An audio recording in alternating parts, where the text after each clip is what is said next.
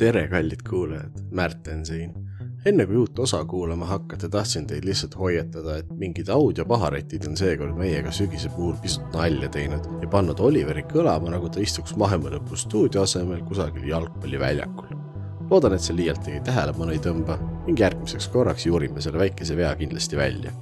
nüüd aga maailmalõpu kino kolmas seanss. head kuulamist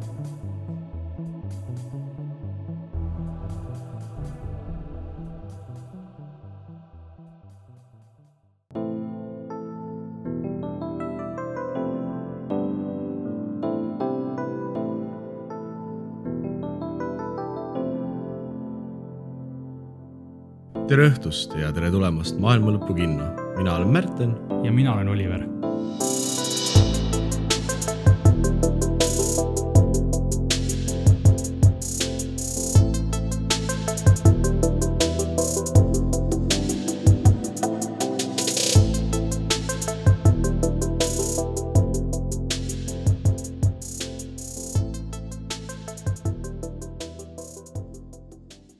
tere, kallid kuulajad, ma loodan, et te tundsite meist sama palju puudust, kui meie teist puudust tundsime. meid ei ole küll siin nüüd põksa aega olnud vahepeal, sest et äh, maailma lõpu kino vajas uut värvikihti välisseinale ja maailma lõppu on hirmus raske värvimise tellimustööd tellida. seda enam, et pandeemia tagajärjel on niigi tarneraskused. jah. ja noh, meil on nagu üsna karm tarnetingimus ka absoluutselt aga siin me jälle oleme teie rõõmuks ja, ja ka meie rõõmuks, sest me saame endast kõik selle välja lasta, mis on kogunenud selle ajaga meie sisse.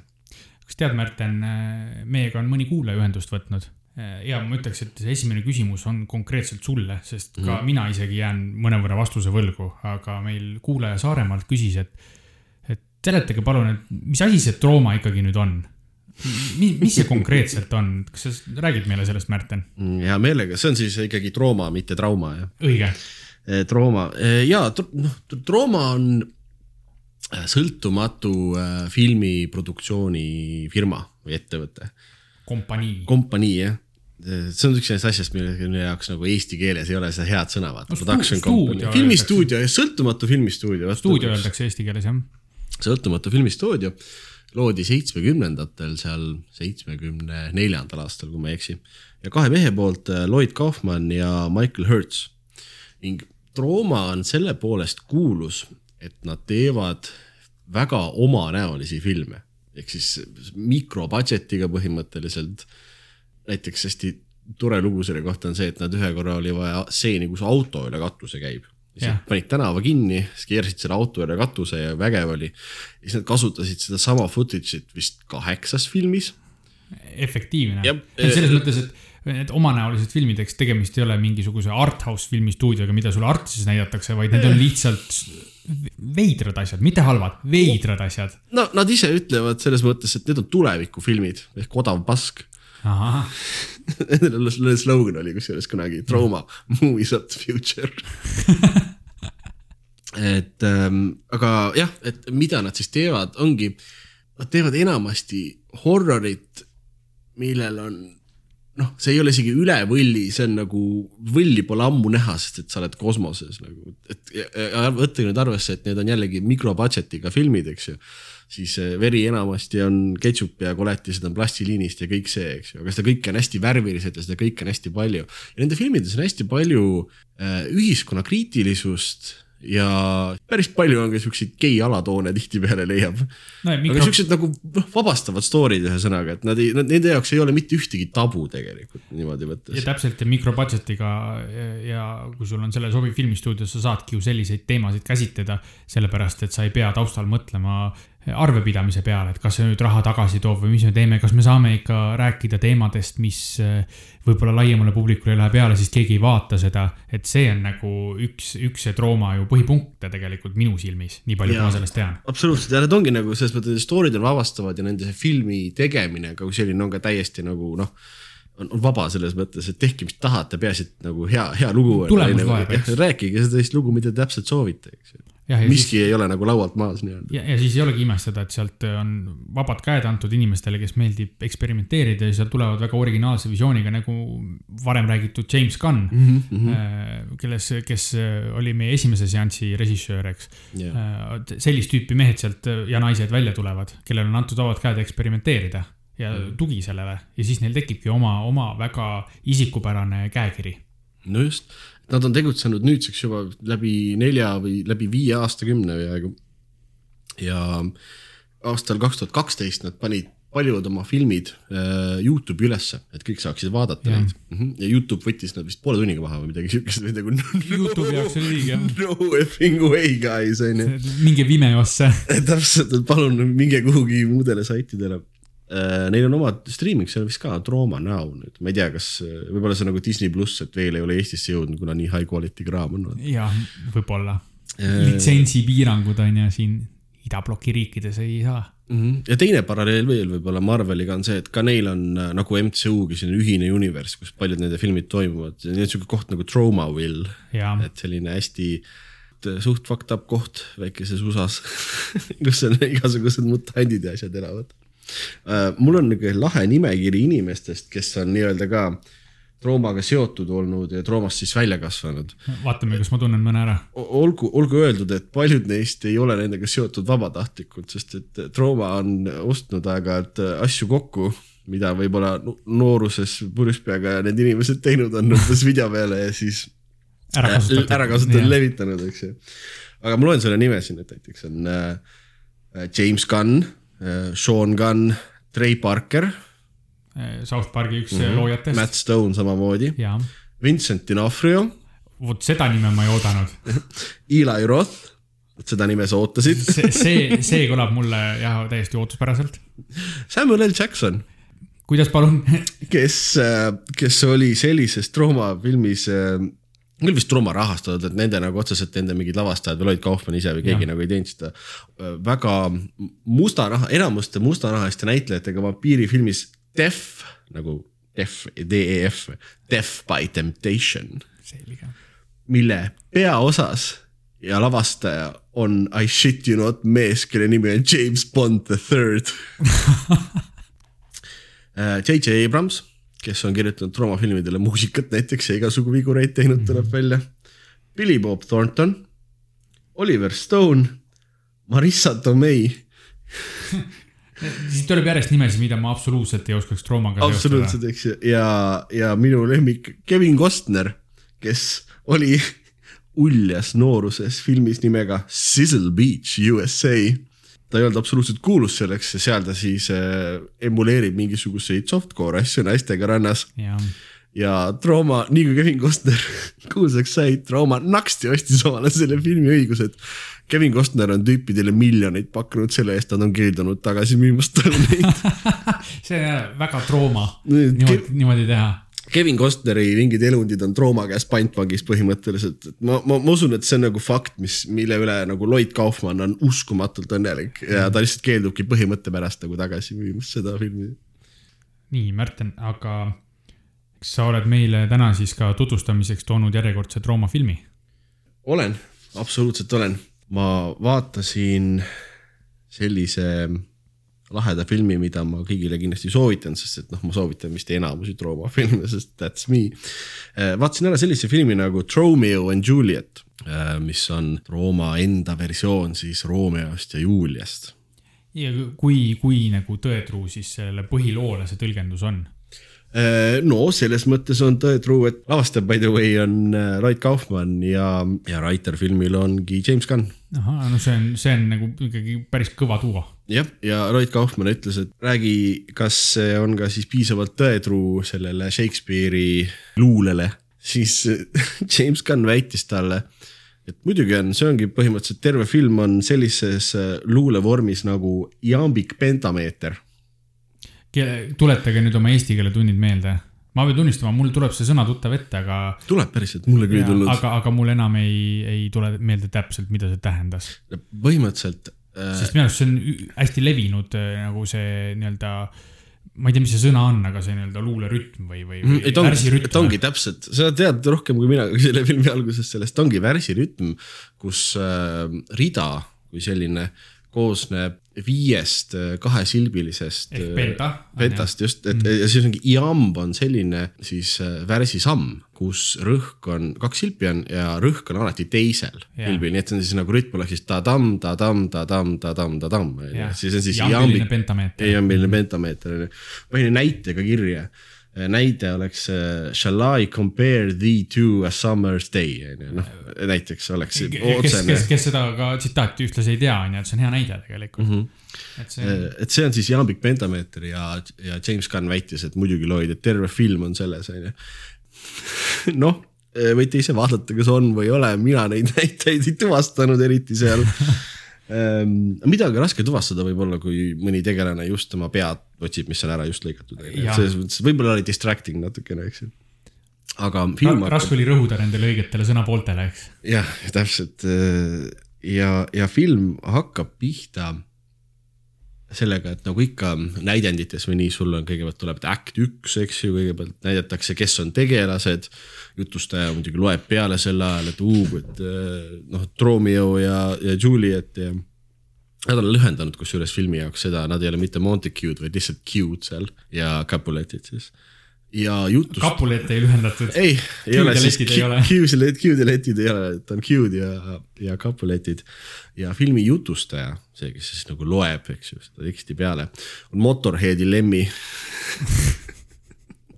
no, lihtsalt Lemmi Kilmister tuleb seal umbes keskel oma selle mõnusa regisema briti aktsendiga, et oh, there never was a tale of more woe than that of Juliet and her Romeo ja muidugi oi, oi, oi taga on Ace of Spades. see on ikka, selles mõttes on ikka hämmastav, mis nimed sellest Trooma mm. kollektiivist, kui seda nii saab nimetada, on läbi käinud. ja, aga mulle tundus, et nad on põhjus Lemmi lihtsalt New Yorgi tänavatelt kinni püüdnud, sest et lihtsalt kaamera näitab teda, Lemmi ütle midagi, siis ta lihtsalt laseb mingit asja seal. et nagu täitsa suvalised autod sõidavad taustal ah,. ta ei olegi nagu nii-öelda ilma kehata narrator taustal, vaid vahepeal kaamera näitab tema poole ja ta jutustab. Pumm, Lemmi Kilmister ja nüüd räägi. selge see on nagu päris palju jah. huvitav lähenemine jah.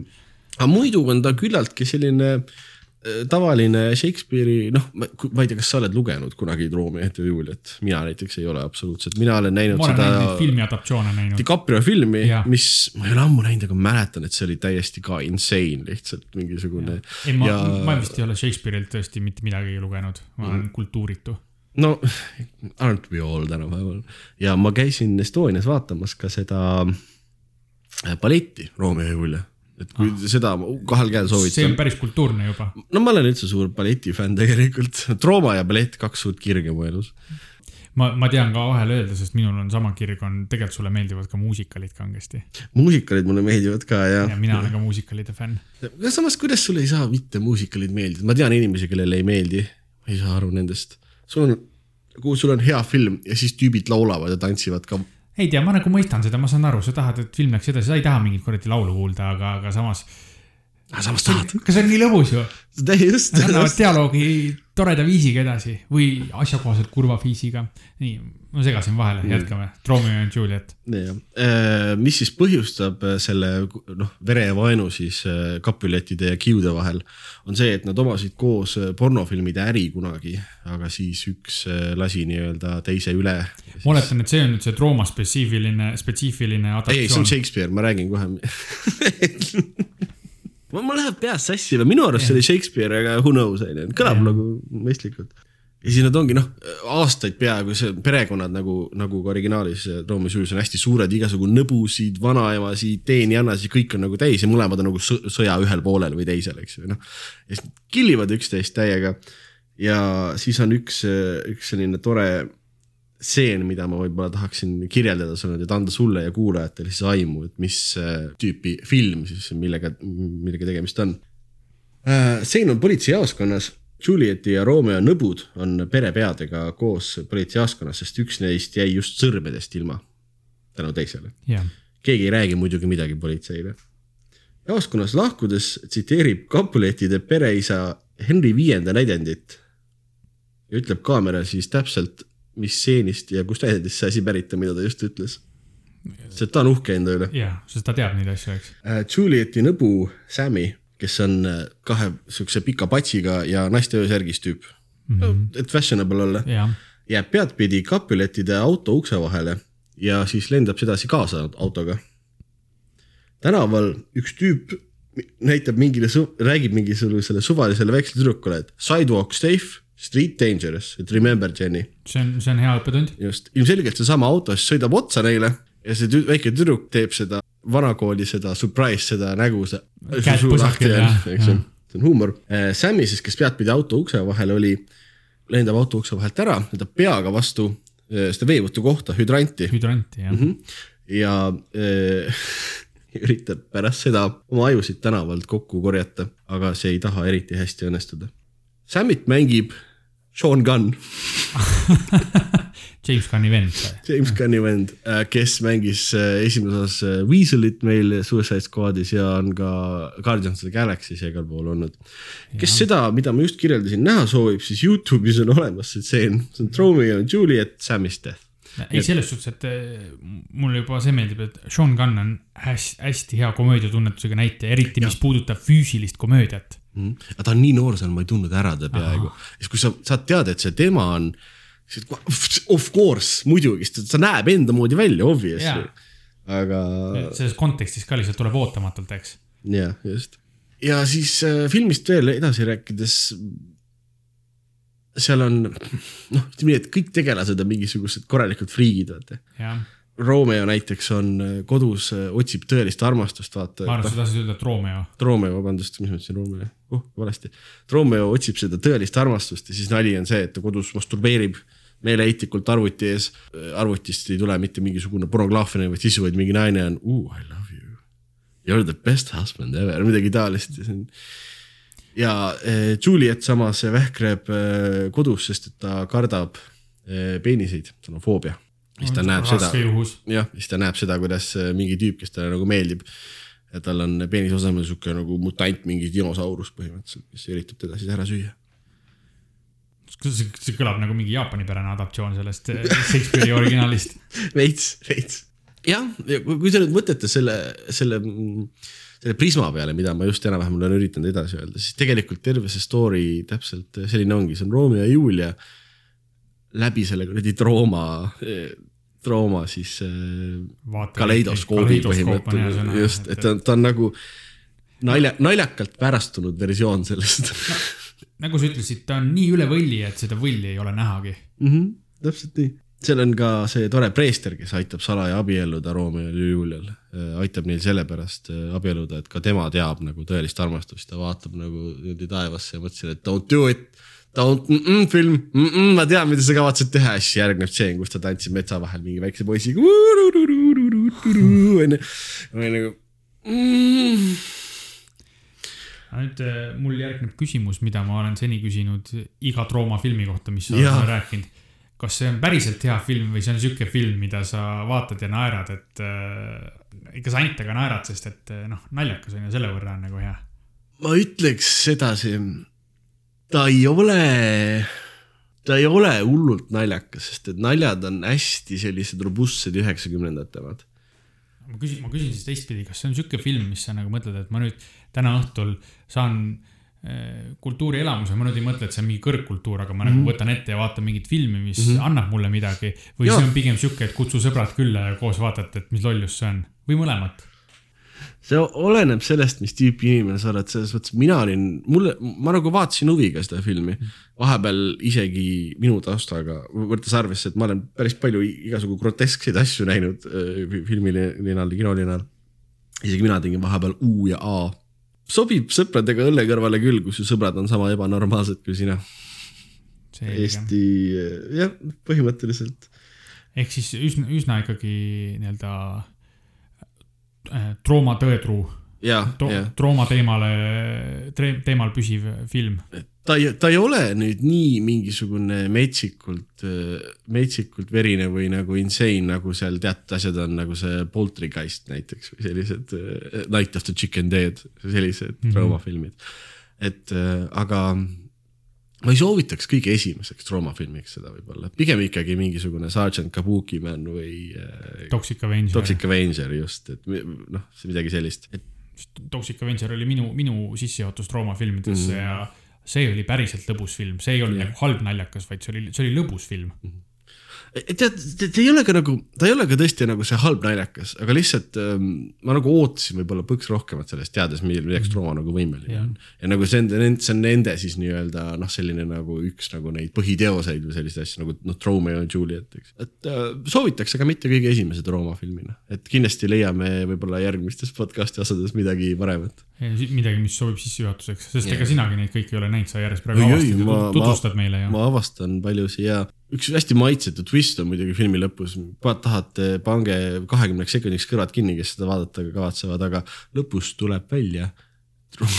Romeo ja, või Romeo ja Juliet on tegelikult õde ja vend, siis neil on mutantlapsed ja nad kolivad nendega kuskile äärelinna elama. see on küll üheksakümnendate nali jah. oo jaa. nii et uh, Romeo ja Juliet uh,. Uh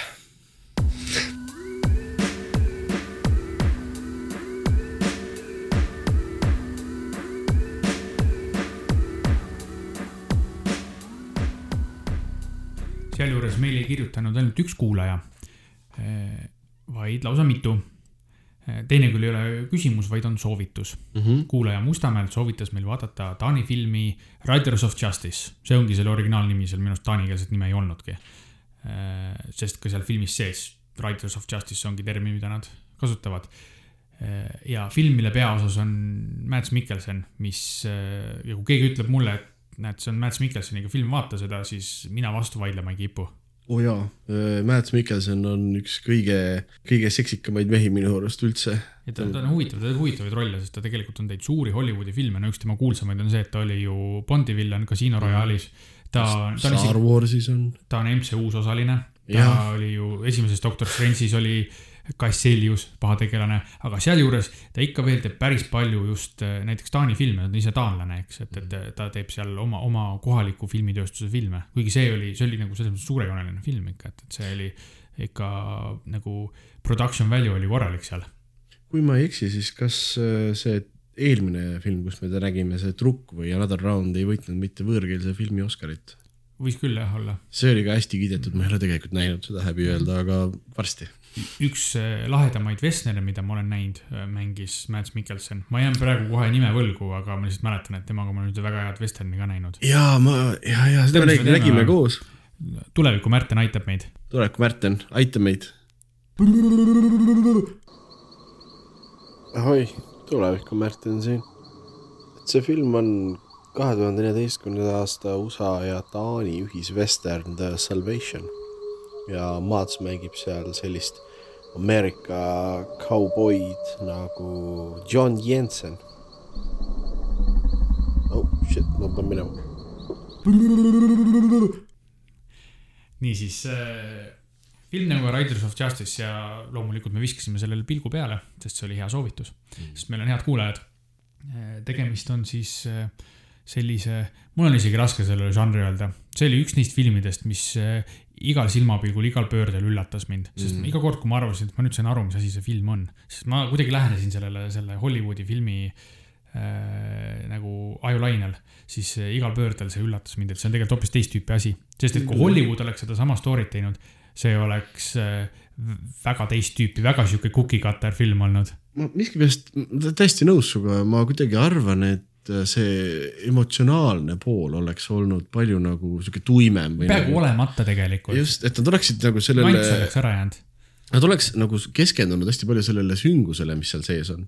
meil on raske rääkida, teeme lihtsalt kokkuvõtte, millest see mm. film üldse on.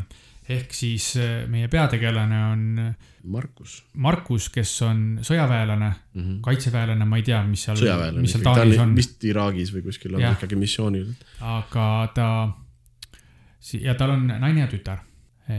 siis aga paraku juhuslikus rongiõnnetuses saab see naine surma, no juhtub õnnetus, tütar jääb ellu mm. -hmm. ja ta tuleb muidugi kiiresti sealt oma töölähetuselt Iraagist tuleb tagasi ja nad üritavad siis oma tütrega toime tulla selle leina ja kõigega ja noh, tegemist on muidugi mehega, kes on kogu oma elu veetnud vägivalla ümber, noh, elukutseline sõjaväelane ja ei näe pointi asjades nagu teraapia või oma tunnetega tegelemine ja noh, kaldub vägivallale, mitte et ta ei, ta ei ole kuidagi vägivaldne oma pere suunas mm. -hmm. ja üritab sellega toime tulla. samal ajal selles õnnetuses oli ka üks noh, väga tark mees, matemaatik, kes on õppinud igal pool mustreid nägema. Ja tema on veendunud, et see ei ole kokkusattumus ja. see tõenäosus või matemaatiline pool siis tema arust tõestab, et ei. see, see, see, see, see on liiga suur. kadu, kaduv väike oleks see, kui ja. see kõik faktorid arvesse võtta, et see pidi olema tahtlikult korraldatud õnnetus. liiga palju asju langes kokku. just ja, ja selle korraldamises siis ta enda arust süüdistab kohalikku Spikeri gängi. kes oligi see Riders of Justice. jah, Spike'i gängi nimi. Nad üritasid siis ära kill ida ühte tunnistajat, kes oleks, võtmetunnistajat, kes oleks nende pealiku vastu tunnistanud ja siis see matemaatik, statistik Otto võtab ühendust äh, Markusega, meie siis selle sõjaväelasega ja selgitab talle, näed, see ei saa olla kokkusattumus. me peame nagu, mind jääb see ka painama ja politsei meid ei aita, sest noh, politsei reaktsioon on üsna usutavalt. no jaa, aga sa ei tõesta mitte midagi, see, et see number ütleb, et see ei tohiks olla kokkusattumus, ei tähenda meile mitte midagi, meie töötame tõendite pealt. ja nad muidugi otsustavad võtta siis äh, õigluse enda kätesse mm. -hmm jah, Ottoga on tema teised eh, nohikutest sõbrad ka kaasas, kes on ja. kõik hästi toredad karakterid. kõik on omaette täielike neuroosidega ja minu arust see, see filmi üks suurimaid pointe on, see, see story ise taustal on sihuke üsna Hollywoodilik kättemaksu story, mis ma kujutangi ette, et kui Hollywood oleks teinud, siis ta oleks keskendunud sellele, kui kõva mm -hmm. see sõjamäes on ja kuidas ta ikka kätte maksis neile ja, ja nii edasi. aga see film keerleb tegelikult selle ümber ja minu arust selle filmi mõte on, et äh, näidata, et äh, kõik inimesed, iga viimane kui inimene on omal moel kuidagi katki ja nad kõik üritavad toime tulla sellega, kas läbi sõprade või mis nendega elus on juhtunud, kuidagi leida sõpru, tuge ja sellega hakkama saada oma spetsiifilise siis äh, veaga, mis neil on mm. -hmm jah äh,, absoluutselt nõus, ma olen isegi mul on lause ka oma siin toredates märkmetes, et äh, et filmi kõik tegelased on katkised nagu täiesti Just. ja see oligi, et kohe alguses võib-olla ei tule välja. aga see filmi nagu point ongi jah, siis see, et, et kõigil on, kõik on veidrad või katkesed omal viisil ja kõigil on ka nagu leina ja selliste noh. lapsepõlvetraumad ja kõige sellega toimetulekuks mingid oma, oma, oma veidrad viisid. oma toimetulekumehhanismid. just, ja kui ja, oluline on need toimetulekuviisid ja asjad leida siis. ja, nagu ja mingid tervislikud toimetulekuviisid, mitte destruktiivsed, sest et ikkagi filmi alguse poole on äh, siis Markusel, meie sõjaväelasel, on need toimetulekuviisid ikkagi üsna destruktiivsed, et. täielik ei, raev ja vägivald. jah, ta ei, ta ei kaldu nagu abile ja ta. ta keeldub abist lausa, ta pakutakse ja. seda kriisinõustamist ja psühholoogia pärast, pärast seda õnnetust. ja, ja... ütleme nii, et ta ilmselt ka selgelt tundis kergendust, kui tuli see matemaatik ja põhimõtteliselt andis talle koha, kuhu oma viha suunata. ta andis talle konkreetse koha. Outlet'i kus... tema raevule. just, ja, ja siis ta sai hakata mõtlema selle kättemaksu peale mm. ja noh, me ei hakka seda, tegemist on ikkagi filmi soovitustega ka ülejäänud kuulajatele, et me ei hakka päris seda lõpuni seda eh, sisu ette rääkima, sest et tegelikult on hästi huvitav ja jällegi see film ei ole nagu kuidagi ettearvatav ei ole ja väga-väga sihuke Mr Bones's Wild Ride oli see, et sa ka ja. arvad, et sa tead, mis tuleb ja tegelikult ja. ei tea see, see historiliselt ega emotsionaalselt, kuhu see asi nagu läheb lõpuks. et, et seal me tutvume nende Otto teiste siis matemaatikutest sõpradega ja mis eripärad neil on ja ootame, et ahah, see on sihukest tüüpi film, kus need eri, väga erinevad mehed üritavad koos hakkama saada ja ühisel eesmärgile jõuda. ja siis tuleb ikka nagu järsku mängu koletu vägivald, seal tapetakse päris palju inimesi ära yeah.. ja sealjuures äh, selle tasakaalustamine sellega, et see isa üritab seda kõike varjata oma tütre eest, et ta tegelikult ei otsi abi. Äh, see on, see natukene isegi tegelikult sihukest tragikomöödiat, sihukest noh, traagilist komöödiat sellega, kuidas tegelikult selle kõige varjamiseks need väga Äh, neurootilised äh, matemaatikutest abilised mm -hmm. teesklevad, et nad on psühholoogid yeah., kusjuures üks neist läbi oma kiiksude on isegi natuke nagu pädevate mõtetega, sest nagu ta ise ütles, ta on lapsest saati üle nelja tuhande tunni psühholoogide juures käinud yeah., ta teab sellest üsna palju, sest see on mees, kes on tegelikult väga-väga katki ja saab eluga üsna hakkama. jah, küllaltki jah, et nad on, see, see ongi hästi-hästi huvitav selle juures, nad kõik on siuksed nagu, nagu põks ebameeldivad, vaata, aga nagu kuidagi Nad on- üll, üllatavalt lihtne on samastuda, et nagu see, nad on tegelastena käitunud või sa tunned tead kedagi, kedagi täpselt. Nad on realistlikud. Nad on ülirealistlikud ja et nad on nagu veidrad, aga, aga sa nagu saad, sa, sa mõistad ja see empaatiatunne, mis tekib, et nagu seeläbi sa nagu mõistad neid tegelasi ja saad aru, et crap, et see on nagu täiesti ilustamata, aga, aga aga see on hästi reaalne kuidagi ja nagu see ongi, sa nagu tahaks, et neil kõik ikkagi hästi läheb, et neil nagu põks nagu ja paremaks läheks sellepärast et nad, mitte ükski neist inimestest ja noh, ma julgeks öelda laiendades üldse nagu maailmas, ega noh, ükski inimene ei ole nagu üdini halb või kuri ja siin need tegelased ka, aga nad teevad aeg-ajalt halbu otsuseid mm. -hmm. Neil on võib-olla halvad impulsid, aga nad enamik juhtudel annavad, annavad endast parima, et, et tulla oma elu ja oma probleemidega toime mm. Ja lihtsalt eh, see kõik on mis tegigi ta originaalseks, et kõik nende probleemidega toimetulemine ei ole mingi suvalise nagu mingi indie-film, kus äh, mis iganes äh, Five Hundred Days of Summer või kus on mingi romantikalugu või mis iganes, kus ja see sellise nagu lihtsa teema taustal inimesed üritavad oma neuroosidega toime tulla mm., vaid siin on konkreetne vägivaldne kättemaksulugu, kus on inimesed, välja arvatud see sõjaväelane, kes on nagu täiesti oma elemendist väljas. ja muidugi ekstreemsetes olukordades just löövadki need eh, igasugused, mitte vaimsed puudujäägid, aga ütleme emotsionaalsed Kiiksud. vajakajäämised ja kiiksud, just kiiksud äh, kipuvad välja lööma stressiolukordades ja kuidas nad sellega toime tulevad. enne kui kuulajad pahaseks saavad ja meie poole midagi viskavad, siis Five Hundred Days of Summer on ikkagi hea film. ja seda ma ei ütle, lihtsalt ma tõin nagu võrdlusena, et. aga jaa, see emotsionaalselt on ta natuke lihtsam, et lihtsam tegelikult kui Et-, et- kui Riders of Justice, et see, see, see sügavus või see, kuidas ta nagu suudab sulle lahti seletada, miks need tegelased sellised on, nagu nad on, et mis nendes nagu valesti on. Ja siis, et sa saad aru, miks nad teevad selliseid otsuseid või asju, mida nad teevad, et see on, see oli kuidagi psühholoogiliselt mingil tasandil oli minu jaoks hästi nauditav nagu jälgida neid. Et sa kuidagi, sa said nii hästi aru ja samastusid nendega, et sa nagu elasid tänu sellele nii palju kaasa selle filmi. sealjuures see taustsüsteem, mis seal loodi, tulirelvi ja kaelade murdmist täis kättemaksu lugu on äh, nii nagu eluvõõras taustsüsteem selle jaoks, aga see, see nagu nende see ristumine tekitas nagu hästi huvitava olukorra ja huvitava jälgimise. isegi vägivald on tegelikult, ma ütleks, päris reaalne, selles mõttes sihuke kiire ja nagu brutaalne, Nad- kiire ja lõplik. et nagu tapmised kui sellised, noh, keegi ei saa õlga haavata, ei, et nagu tegemist, Markus on ikkagi endine väga pädev sõjaväelane ja kui ta nagu tulistab, siis ta tulistab põhjusega ja nagu et, et need action stseenid, mida ei olnud palju tegelikult filmis, aga nad olid väga mõjukad, ja olid. väga vajalikud, et Jah, edasi anda seda, mis Just. ikkagi juhtus, et tegemist on tõsise olukorraga ja tegemist on inimestega, kes on ikkagi, oleme ausad, ikka täiesti antud juhul leinast segi läinud. mm. -hmm. Le-, leinast segi läinud, see oli see, ma ei oodanud seda lauset. kas sulle tundus ka muidu, et neist äh, hakkas filmi lõpupoole hästi katkistest inimestest hakkas natukene sihuke peaaegu nagu väike terviklik perekond nagu saama surrogaatidest, et igaüks tõi nagu oma selle positiivse asja, nad said sellise töötava üksuse nagu kokku tegelikult. neil oli nagu need klappivad vead, klappivad mm -hmm. neuroosid. täiendasid jah, üksteist. et kes, kellel oli mingi mure, aga kellel teisel oli mingi muu positiivne vaade ellu ja nad täiendasid nagu pusletükid ilusti üksteist sobitusid kokku ja sealt tekkiski sihuke kamraadlus või jah, sihuke perering, kus kõik koos, üksinda nad olid nagu, oli raske, aga kõik koos nad tegelikult töötasid. jah, see, see kuidagi ma nagu nautisin, nautisin seda, see tegi mind see, vaadates õnnelikuks, et nagu, et aa, nad saavadki hakkama äkki võib-olla. jah, aga noh, eks see- jääbki kuulaja vaadata, et kas sel filmil, mis seal filmil lõpuks juhtub, kas nad saavad oma kättemaksu, kas seal on õnnelik lõpp, ega seda mina ei osanud lõpuni välja ikka ette näha ja Ei, selles suhtes äh, Sti stiili poolest äh, tahaks seda veel mainida, mis mulle hästi meeldis, oli see, et ähm, tal on selline põhja, sünge Põhjamaa filmi selline kargus, vaata on sees, no ta on taanlaste tehtud, eks ju. ja see, see kuidagi lisas selle filmile sellist atmosfääri ja ilu. jah, eriti tore, mis kuidagi ajas mind segadusse pisut. Filmi alguses oli see, et film hakkab Eestis. aa jaa, kogu, see asi saab alguse sellest, et mingisugune jorss Tallinnas tahab endale ratast osta. Jorstal, ja sellepärast sureb ja sellepärast sureb nii palju inimesi lõpuks ära.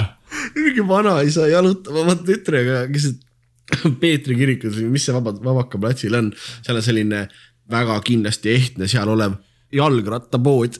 oligi silt putka peal. siit oli Pikes vist või jalgrattas, aga Jalgratas räägivad ilusti eesti keeles, Eesti näitajad on, et see oli nagu hästi cool. ja siis tüdruk tahab jah ratast omale ja vanaisa ütleb, et noh, vaatame, kas sa siis saad. järgmine stseen on kuskil Taanis pannakse mingi ratas pihta, et seda müüa siis hiljem neile, kuna see tuli soovi peale või midagi sellist. ja selle doominona läheb see kogu sündmusteada käima, mis yeah. viib meie filmi siis põhiasjani mm. -hmm. aga see oli tore, sest nad arutasid tihti selle kausaalsuse üle ja, ja. nagu üks, üks asi põhjustab alati teist ja sa pead selle juurpõhjuseni minema, vaata, et see oli siuke natuke tore siuke meta asi, mida tähele panna, et see mulle ka meeldis ja. ja filmi lõpuks ta sai ka varata jah, filmi lõpuks said äh, paljud tegelased väga palju asju, ma pean tunnistama. jah, ma ütleks kokkuvõtteks selle filmi kohta, et see ei olnud südantsoojendav film, aga see oli väga südamlik film. see on hästi öeldud, jaa, oli küll. ta, mm, ta jättis hästi, hästi palju emotsioone mulle pärast vaatamist. ja ma mõtlesin ka selle peale pikalt, ma vahetult enne magama jäämist vaatasin ja pärast ma voodis veel mõnda aega lebasin ja mõtlesin selle peale, et mis ma just kogesin mm. -hmm. ja see on alati märk heast filmist jah, absoluutselt, loodame, et äh, inimesed võtavad äh, seda soovitust tõsiselt, sest et äh, see on film, mida peaks rohkem inimesi nägema, mina väga palju ei kuulnud, kui see eelmine aasta välja tuli sellest tegelikult, nüüd on kuidagi hakanud vist asi rohkem veerema. nii et täname veel kord kuulajat Mustamäelt ja ootame ka teilt teistelt soovitusi. jah, kui need näevad head välja, siis kindlasti vaatame. kui näevad halvad välja, siis eks me siis kurdame. ja Riders of Justice, vaadake seda ka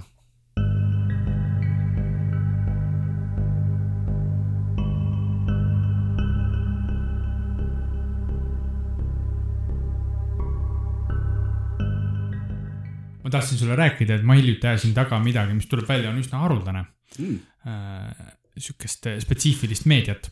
mul on kodus äh, varsti kolmeaastane tütar. Mm -hmm. ja siis me aeg-ajalt vaatame multikaid ka ikka, aga noh, seda lastesaadet, neid, neid noh, igast pläusti toodetakse. Ja by the way, ma, ma ei tea, meil sihukest peent analüütikat ei ole, ma ei tea, palju meil kuulajad lapsed on või kellele see huvitav on, aga ma ei tea, kuulake ikkagi me oleme põhimõtteliselt lastesaade, come on. traumanurk on lastele suunatud ikkagi. jah, ja traumapunkt on haigetele ja siis ma ikka üritan leida mingit, mis on nagu sobiv, ei ole mingi suvaline pläust, vaata, igast asju toodetakse ja siis mm -hmm. hästi, hästi tore multikas, mis mulle väga meeldib.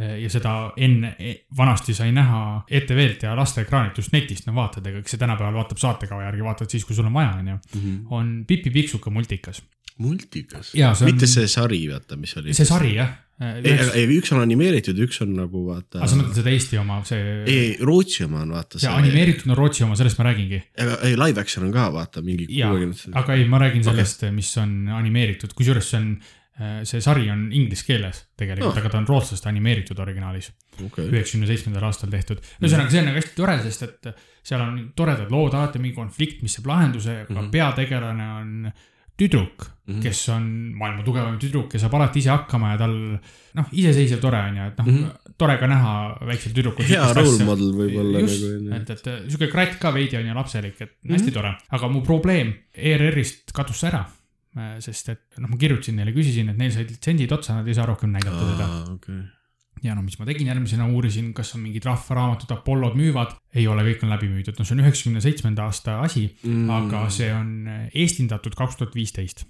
Äh, siis noh, eesti keeles peale loetud nii-öelda üllatavalt nagu uus selles mõttes ikkagi.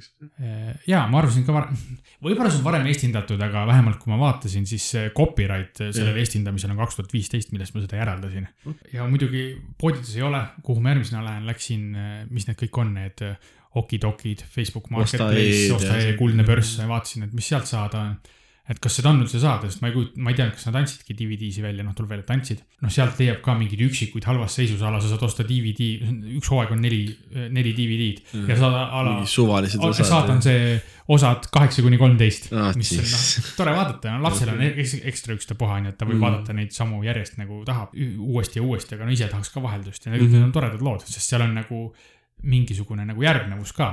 et, et äh, iga osa on iseseisev, aga see nagu üldine story natuke läheb ka edasi nagu tegelaste kaupa. Äh, ja ei saanud, siis äh, tuletas mulle abikaasa meelde, et ega Oliver, meil on ju raamatukogud, geniaalne on ju, vaatan mm, -hmm. ongi raamatukogus on täitsa olemas kõik neli DVD-d, no üks hooaeg on, seda üks hooaeg ongi ainult seda neli DVD-d.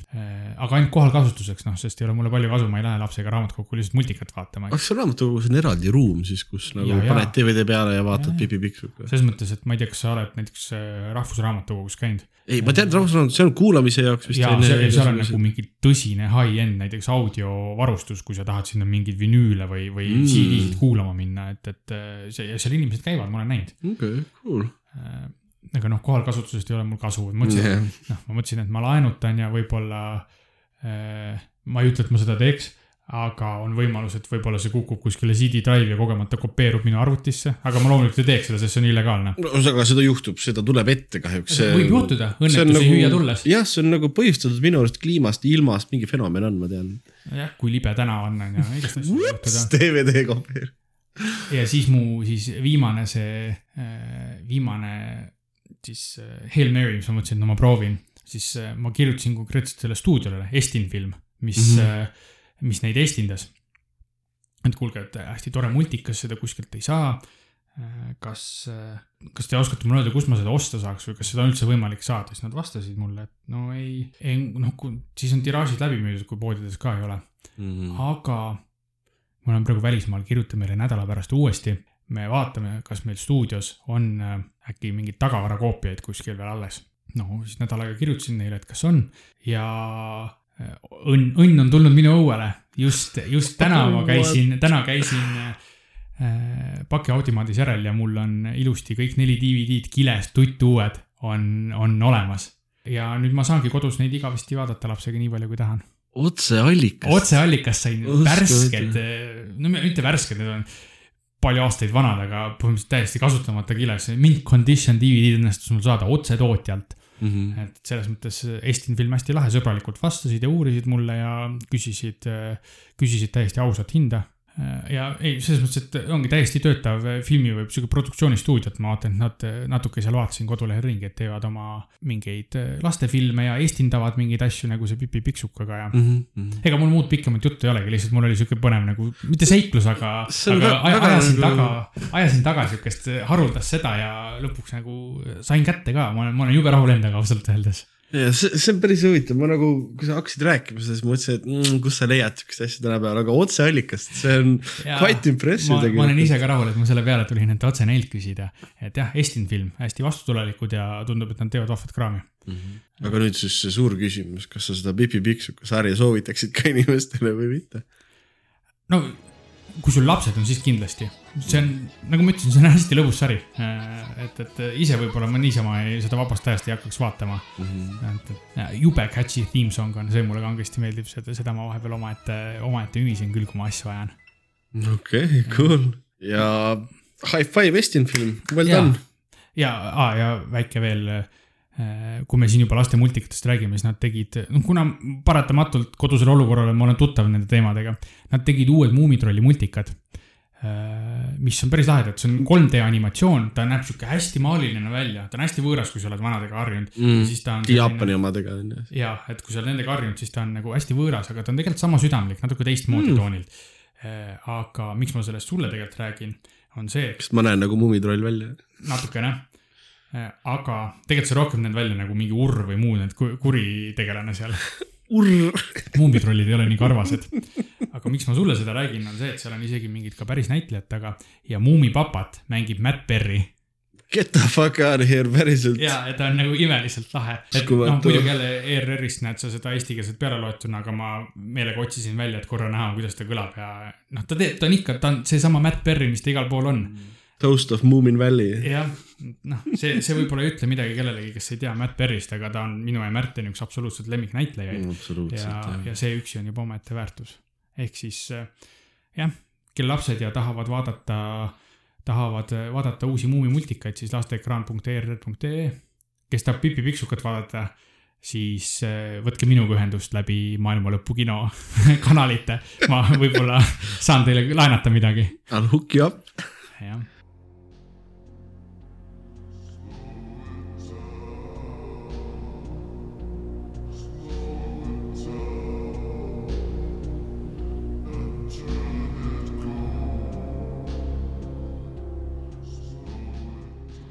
sa siukest äh, Briti sarja nagu Red Dwarf tead ma olen seda nime kuulnud, aga, aga see on ka kõik. mm.? ma olen seda nime kuulnud selles kontekstis, et ma vist mingi hetk tahtsin seda vaadata, aga ma ei ole kunagi jõudnud selleni. Mm, okei okay., vaata, väga, väga hea on minu arust.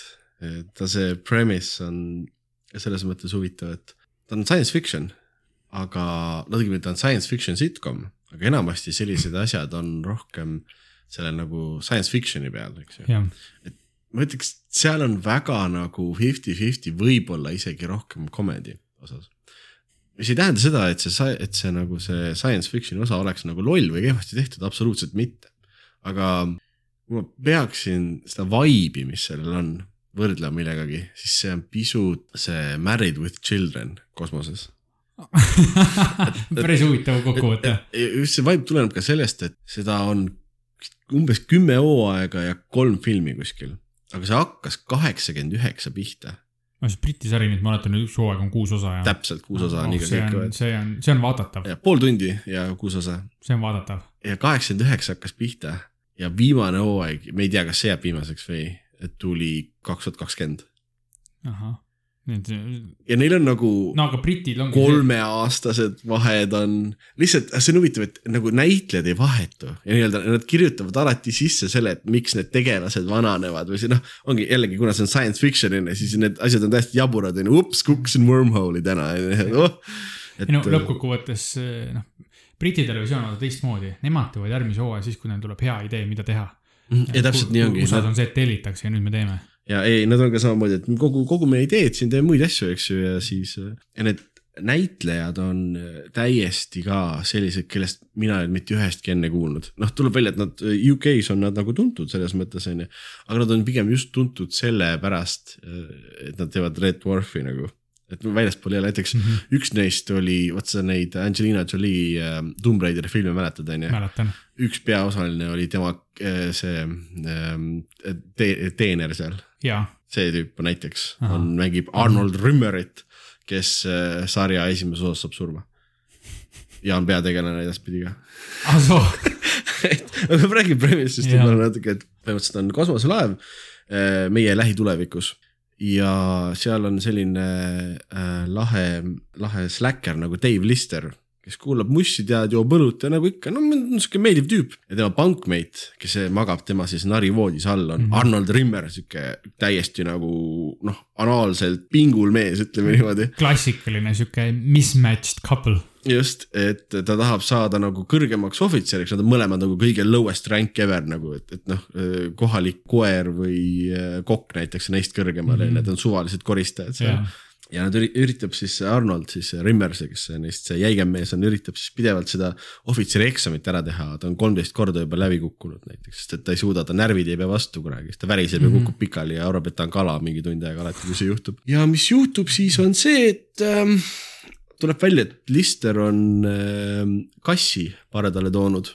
kassi nimi on Frankenstein ja peidab seda siis siuksesse ventilatsioonitaktis seal ja tore sihuke kiisu on, aga Rimmer paneb kitsa tema peale, Lister siis okei okay,, et karistuseks sa paneme su teisisesse, mis asi on steisis eesti keeles, see on see siis, kui sind ära Stasi, ma ei tea. külmutatakse põhimõtteliselt nagu, aga noh, sa jääd ellu selles mõttes, et hoitakse, põhimõtteliselt äh, jah, külmutatakse ajas ära või jah, pannakse tallele, et, et noh, kuni nad uuesti nagu äh, sinna maani jõuavad, eks ju, oma kosmoselaevaga pannakse siis Lister tallele, kui ta välja sealt tuleb, on möödunud kolm miljonit aastat. kosmoselaeva peal on kõik surnud.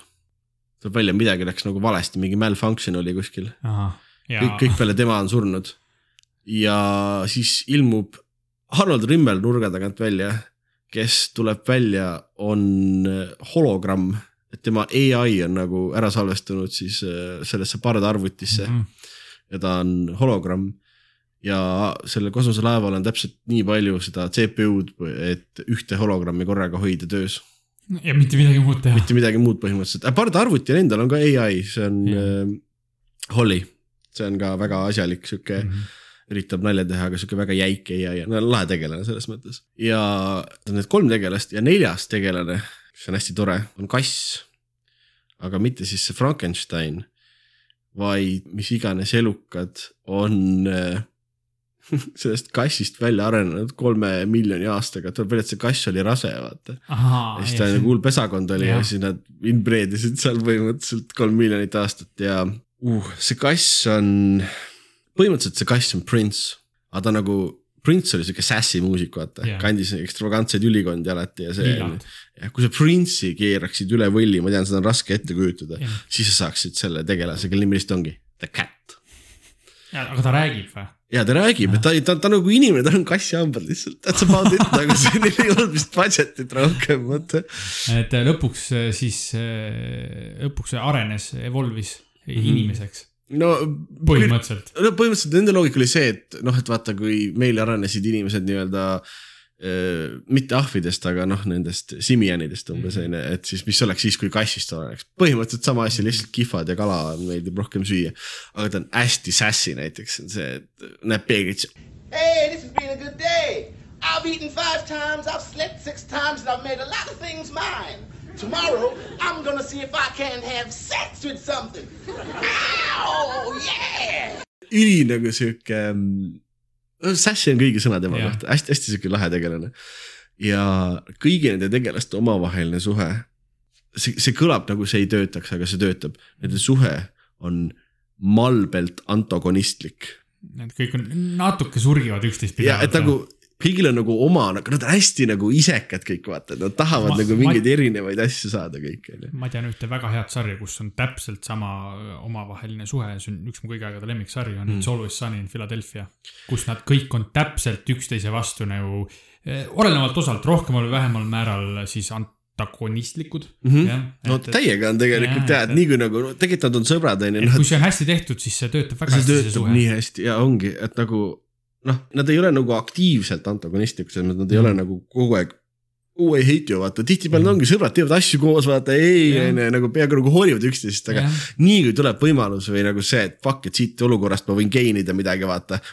nuga kohe selles mõttes onju, et noh, näiteks eh, hea näide oleks võib-olla see osa, kus eh, tuleb välja, et eh, pöördarvuti saab siis selle hologrammi nagu mõistuse suunata eh, Listeri kehasse mingiks ajaks, vaata mm. Mhm. -hmm. samal ajal kui Lister siis on nagu hologramm sellele, noh, ühesõnaga nagu ära vahetada, aga yeah. Listeri kehasse jäävad, onju. siis Arnold on muidugi davai, et lase sisse, et ma teen trenni ja möllan, vaata, onju. ja siis ongi nagu see lahe, kus äh, see nagu ta tekibki nagu sõltuvus peaaegu, ta midagi muud ei teegi, kui nagu sööb ja suitsetab ja joob kogu aeg, sest ta ei ole kolm miljonit aastat saanud midagi teha yeah.. ja pidevalt nagu ei, ei ma järgmine homme hakkan trenni tegema ja see ja lõpuks ta lihtsalt kogem-, noh, mitte kogemata, vaid kaaberdab keha ära põhimõtteliselt, üritab mingil planeedil elama minna nagu selle, no Jah. ühesõnaga noh, täiesti insane kontsept, aga see annab nagu mõtte, et ta on science fiction, eks ju, aga see comedy asi comes first alati nagu. kuna, kuna teda on, season'is ongi kuus osa, nad ei ole eriti pikad osad, siis ta on nagu hästi vaadatav kuidagi. seal ei ole fillerit. ja et seal ei ole fillerit, et ta on nagu, ta on, ta on nii charming, olles nagu sellisel kõige positiivsemal viisil natuke mean spirited. nagu seda on raske kirjeldada, et nad tõesti on tegelikult lahedad tegelased ja nagu nad on, nad ei ole nagu, nad on noh, on omavahel sõbrad selles mõttes, aga tundub nagu nad on nagu nii kaua sõbrad, et nad nagu ongi vändad veits üksteise vastu. vana abielu, mitte paar, aga nii. jaa, täpselt ongi vana, vana vaba abielu on, aga on kas see see, toimubki seal kosmoselaevas mm? -hmm, aga mi, mis seal mitte, siis? mitte, et nad aeg-ajalt satuvad mõnele planeedile, vahest tuleb mõni teine kosmoselaev vastu, kus on tead, võib-olla mõni tegelane veel, näiteks hiljem liitub cast'iga üks äh, android, kellel Mhm. on äh, peaaegu kõik kompleksid maailmas üldse minu arust, aga alaväärsusest ja lõpetades jumal teab millega. see, see kirjeldus kõik meenutab mulle ka natuke seda Hitchhiker's Guide to the Galaxy't, kõikide nende sci-fi komöödia ja rooside Jaa. yeah. asjadega. nüüd, kus sa seda ütlesid, ta on väga Hitchhiker's Guide ja selles mõttes äh, absoluutselt, Hitchhiker's Guide'il on see science fiction on natukene nagu võib-olla siis kõrgem või keerulisem pisut, vaata mingid kontseptid. aga jällegi ei ole absoluutselt kuidagi rumal sari, väga sihuke lõbus on, esimene hooaeg oli ikkagi kaheksakümmend üheksa, nii et ähm, kes otsast peale vaatab, siis võib-olla arvestada sellega, et ta on ähm,, Need on oma aja lapsed. need on oma aja naljad selles mõttes, eks ju. aga mis see, noh, kui ma õigesti mäletan oma füüsikatundidest mm. -hmm. astronoomiatundidest, et äh, Red Dwarf on äh, teatud tüüpi täht ju, ma ei mäleta, kas ta on nüüd surev täht või mis sorti asi ta on, aga mis seal nagu nimega pistmist on ka midagi või see lihtsalt on Äh, see kosmoselaev, kus nad peal on, selle nimi on Red Dwarf. okei, selge. ma saan aru, et ma, ma olen nelja, neli hooaega ära vaadanud mm. -hmm. praegu, noh, et mingi kümme ja filmid on. et ma saan aru, et neil osad hooajad täitsa toimuvad veel mingi järgmise kosmoselava peal või üks vist on mingi planeedi peal, ühesõnaga nagu see story nagu areneb. üks, üks osa, mis mulle ka hästi-hästi meeldis, oli see, kus nad sattusid ähm, paralleeluniversumisse, kus kõik oli vastupidi ja siis nende nagu, kuna kõik on mehed, eks ju, siis mm -hmm. nende nagu need nais, nais nii-öelda osapooled. osapooled olid seal siis. see oli hästi naljakas, aga ta juhtis hullult tähelepanu sellele, et nagu mis, mis, mis asjad on need, mida näiteks mehed võtavad võib-olla tihtipeale en- iseendast mõistetavaks, eks ju. Mille peale nad võib-olla ei mõtlegi, et see ei ole nagu pahatahtlik kuidagi, aga nagu mis tegelikult on suht fucked up või millega on keeruline toime tulla, vaata. No see, see ongi kuna tihtipeale on empaatiavõime raske on ju, sul on raske näha asju teisest vaatevinklist, sest sinu vaatevinklist on kõik iseenesestmõistetav, eks. noh, ongi ja siis äh, noh, nad muidugi väga peenelt seda ei, ei esitanud, no küllaltki peenelt selles mõttes, aga noh, need naistegelased umbes läksid mööda ja lõid käega vastu pärast, hei baby umbes ja siuksed asjad. Ja siis tuli välja, et seal äh, dimensioonis jäävad mehed rasedaks. Ja noh, ma ei hakka rohkem osa spoil ima, aga see oli päris fun ja ta nagu tõesti suutis, ta, ta eesmärk ei olnud sind mõtlema panna, aga ta oli nii hästi tehtud, et ta nagu pani siiski, et ta oli naljakas, aga ta nagu pani ka nagu, et ta oli nagu sisu ka ja tihtipeale on nagu just seda sisu on ka nagu selle nalja taga, mis on hästi tore, et ta on nagu siuke Jah. nagu natuke südamlikum sitcom. ta on hästi palju asju korraga, siuke mõnus kompott, aga hästi vaadatav. tasub vaatamist jah, ma arvan, et see saab mulgi ajaviiteks. Just eri, eriti mulle meeldib selle juures see, kuus pooletunnist osa per hooaeg mm. -hmm. see on, see on kõigile manageeritav ajahulk. ja no see on üks asi, mida britid on nagu õigesti tege- te,, tegema hakanud, et neil ei ole vaja mingisuguseid nelikümmend, neljakümne minutisi osasid ja siis mingi kolmteist või viisteist või ma ei tea, kui palju per season, eks ju. no standard on ju USA neid?, teletööstuses on sihuke kakskümmend kuni kakskümmend kuus osa hooaeg on ju, oleneb ho- hooajast. täiesti crazy nagu Mm. mm.. siis on küllaltki nagu story on nagu venitatud pikaks ja sihuke mm. jube, et see on, jah, seda teevad, teevad britid palju paremini minu meelest. kui meil siin juba jutuks tegelikult Briti sarjad on, siis mm. Mhm. kes mäletab, Märten tungivalt soovitas meile kõigile sihukest äh, fantaasiasarja. Antoloogiasari. antoloogiasari Inside Number Nine ja ma lihtsalt siinkohal tahan seda soovitust veel tugevdada või rõhutada, et ma olen nüüd seda kaks ja pool hooaega vist ära vaadanud ja Uh. ja nõustun, see on täpselt see, mis Märten rääkis, et ta on sihuke hästi tark sari, seal on äh, tark nagu nutikas, mitte tark nagu tume, kuigi ta on ka, ta on suht tark tark nagu tume ka. jah, ja, ja sealjuures ja et ta tõesti, ta ei tekita sinus kunagi nagu lolli tunnet, et, et ja sa tõesti ei näe läbi, mis seal juhtub, et seal nagu äh, kirjeldasid, ühes osas oli eh, viimasel minutil oli iga kolmekümne sekundi tagant oli järgmine twist, aga ta ei olnud nagu twist twisti pärast, vaid need kõik olid asjad, et aa, see on hoopis nii, okei okay,, nüüd ma saan aru. ei, ma ei saanud aru ja aga nad kõik nagu on loogiliselt üksteisele järgnevad sündmused et ei ole pastakast imetud. Jah. ja need üksikud osad, milles ma pettusin, seal ma nagu tundsin, et see asi jäi pigem nagu minu taha, sest ma tean, et üks osa oli, oligi konkreetselt Macbethi teemaline. see oli nagu tore. Mm. osa, aga seal oli see, see nii-öelda see püant ja see asi jäi minu jaoks kuidagi nõrgalt, nõrgaks, aga ma olen üsna veendunud, et, et see kõik jäi selle taha, et, et ma põhimõtteliselt Macbethi etendusest ja sisust ei tea suurt mitte midagi, no ma, ma väga üldiselt tean, mis, mis seal nagu juhtub ja mis see on. aga ma kujutan ette, et see oli üks neist osadest, kus, et kui sa tead seda, tunned seda Macbethi etendust, siis need mingisugused paralleelid ja peegelpildid, mis seal olid selles, mis selles osas endas toimus, oleks olnud eh, palju nauditavamad. Aga muus osas jah, ma nagu kinnitan, et, et see on ka üks sari, mis on oma aega väärt ja see on see, et vaata, tegelikult vaata, mis järjekorras sa tahad, vaata, mis ajal sa tahad, seal noh, iga osa on täiesti iseseisev. vaata, kuidas tahad. on sul mõni eriti lemmikosa ka?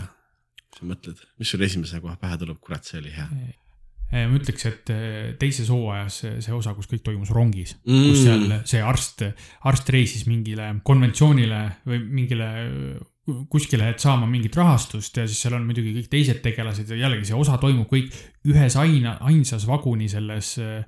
mingi pisikeses vagunis ongi vist. kuidas sa nimetad seda? kupee või? kupee Jah. ja., ma hakkasin see ütlema kajutaga, see on laevas. et, et see kõik toimub ühes kupees, kus on kuus magamiskohta, kõik niimoodi kolm ja kolm üksteise kohal. kolme korrusega nari, see tundub crazy, ma ei ole kunagi näinud siukest asja, kuidas sa magad. kui ma ütleks, siis see oli kõige parem, sest oli ka sihuke ootamatu, aga samas eh, kuidagi mitte nagu mm. -hmm. ei tekitanud tunnet, et ah, taheti nahka üle kõrva mul tõmmata. seal tuli see hästi välja, et on nagu need, no nimetatakse bottle episoodideks, vaata, et kõik toimub Jah. pisikeses kohas. jah, ja See- seal see on oli nagu nagu eriti väga- väike jah. nagu see pisikeses ühes. Paar ruutmeetrit, on ju. just, et oli nagu kuus või oli rohkem tegelasi, isegi seitse vist oli. ei, ei olnud palju suurem reaalsest veinipudelist, natuke oli suurem. aga rõõm teada, et äh, Inside Number Nine meeldis, ma olen isegi kuulnud osadelt kuulajatelt, ka nemad on seda vaadanud ja, ja on, on meeldinud, nii et äh, väga hea, väga hea ni-. niks ja kraaps.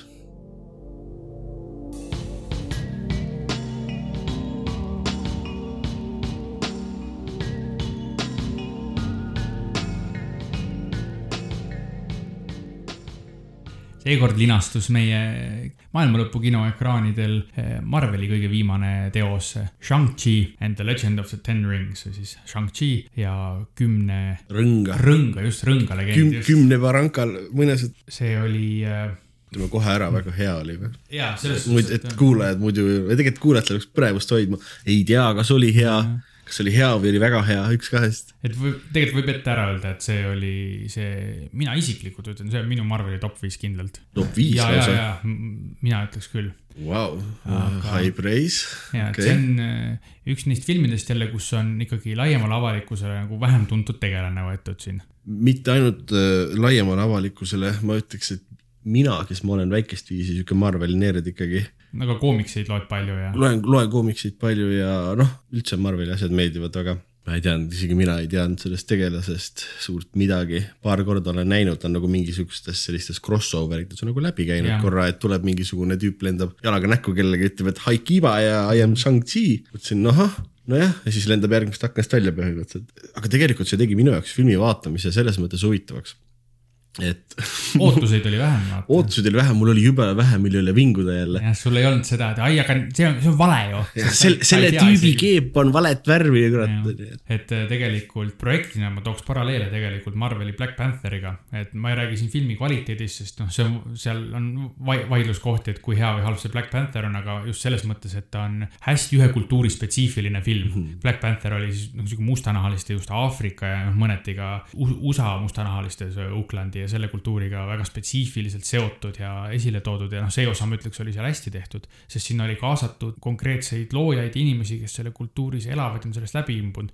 Siin samamoodi, et tegelikult produktsiooni oli kaasatud hästi palju inimesi, kes tegelikult kas ise on Ameerika hiinlased või, või ongi konkreetselt hiinlased ja teavad sellest kultuuriruumist palju, mis äh, annab nii palju, noh muidugi sellele autentsusele juurde, sellepärast et äh, muul juhul, kui need inimesed, kes ikkagi sellest kultuurist kaugel on, siis noh, neil on lihtsalt mingid reference point'id kuskilt mujalt meediast ja siis nad äh, proovivad teha midagi selle moodi, mis üldse ei, ei pruugi olla tõene Mm, keegi ei pea emuleerima seda kultuuri või nagu minema, et üritama järgi teha midagi, vaid see ongi täiesti nagu sa ütlesid, autentne tegelikult, eks. no alustame juba sellest, et kolmandik filmist tegelikult oli hiina keeles, mandariini keeles, mis jaa. on äh, juba puhtalt sellepärast hästi üllatav lüke nende poolt nii-öelda lubatud stuudio poolt, kes ikkagi raha loevad, on ju, et, et mm. noh, paraku Ameerika publikul ikkagi, mis on nende põhipublik ka, on küljes see hirm subtiitritega jah, filmide nendega ees. seostatakse seda, et Ameerika publikule ei meeldi subtiitrid aga neile on, nii palju, kui ma kuulnud olen, ega neile eriti ei meeldi ka tegelikult. jah, et, et ma olen ka seda siit-sealt kuulnud, et siis teha sihuke otsus, kus ikkagi kolmandik filmist peab subtiitreid lugema mm., on, on päris julge. Aga samas äh, see andis seda autentsust juurde küll, see, see puhtalt see, et nad ei räägi mingi aktsendiga, vaid konkreetselt hiina keeles oli minu arust super lahe. Äh, ma lugesin hästi lahedat kommentaari Youtube'i video algusjuures, kus äh, keegi ütleski, et noh, et ma olen, olen ka nagu noh, hiinlane, elan Hiinas, eks ju, ja mul tulid täiesti pisarad silma, kui ma kuulsin, et esimesed laused mingis Marveli filmis olidki hiinakeelsed, selles mõttes täiesti nagu autentselt. see kuidagi nagu tore no tegelikult. see on sama lugu nagu selle Black Pantheriga, et tegelikult on ju see, kuidas mustanahalisi koheldakse ja mujal maailmas ja USA-s eriti on täiesti eraldi teema, kuhu me üldse ei satu, üldse ei lasku siin, on ju mm.. ei ole sedasorti podcast, aga seal ka kõik need lapsevanemad ja ka noored lapsed, kes nagu nägid kedagi, kes on nende moodi ja nende kultuuriruumist on see kangelane ja saab kõigest sellest üle, et noh, samamoodi tõi inimestele ikkagi pisarad silma, sest see ne- neid nagu, nad on esindatud sellel meeletu suurel nagu filmi, filmilinal tegelikult ja selle meeletu suure frantsiisi osana sama, sama selle nii-öelda Hiina kultuuriga ja just selle Ameerika-Hiina kultuuriga. Mhm, just eriti, et, et see ei ole nagu noh, et nüüd na- naljakas kõrvaltegelane ei ole hiinlane, ei tee nagu mingit karateed ja lolli nalja, eks ju. vaid tegelikult terve film, põhimõtteliselt kõik tegelased ju. sellel tege-, selles filmis oli naljakas kõrvaltegelane oli loll eurooplane.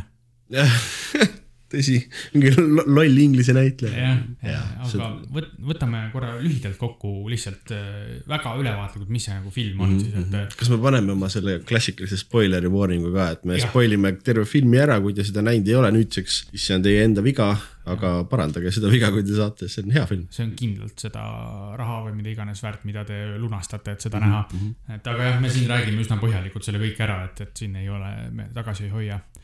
Aga film siis hakkabki tegelikult eh, nii-öelda flashback'iga, kus filmi põhimõtteliselt, mitte põhimõtteliselt, aga filmi villen, sellest räägime hiljem, et eh, kas ja kuidas ta villen on ja mis ta heaks teeb mm. -hmm. siis tema taustalugu, kuidas tema on endale saanud need siis kümme rõngast, mis tegelikult on siis artifakt, mis annab igasuguseid su tavalisi supervõimeid, on ju.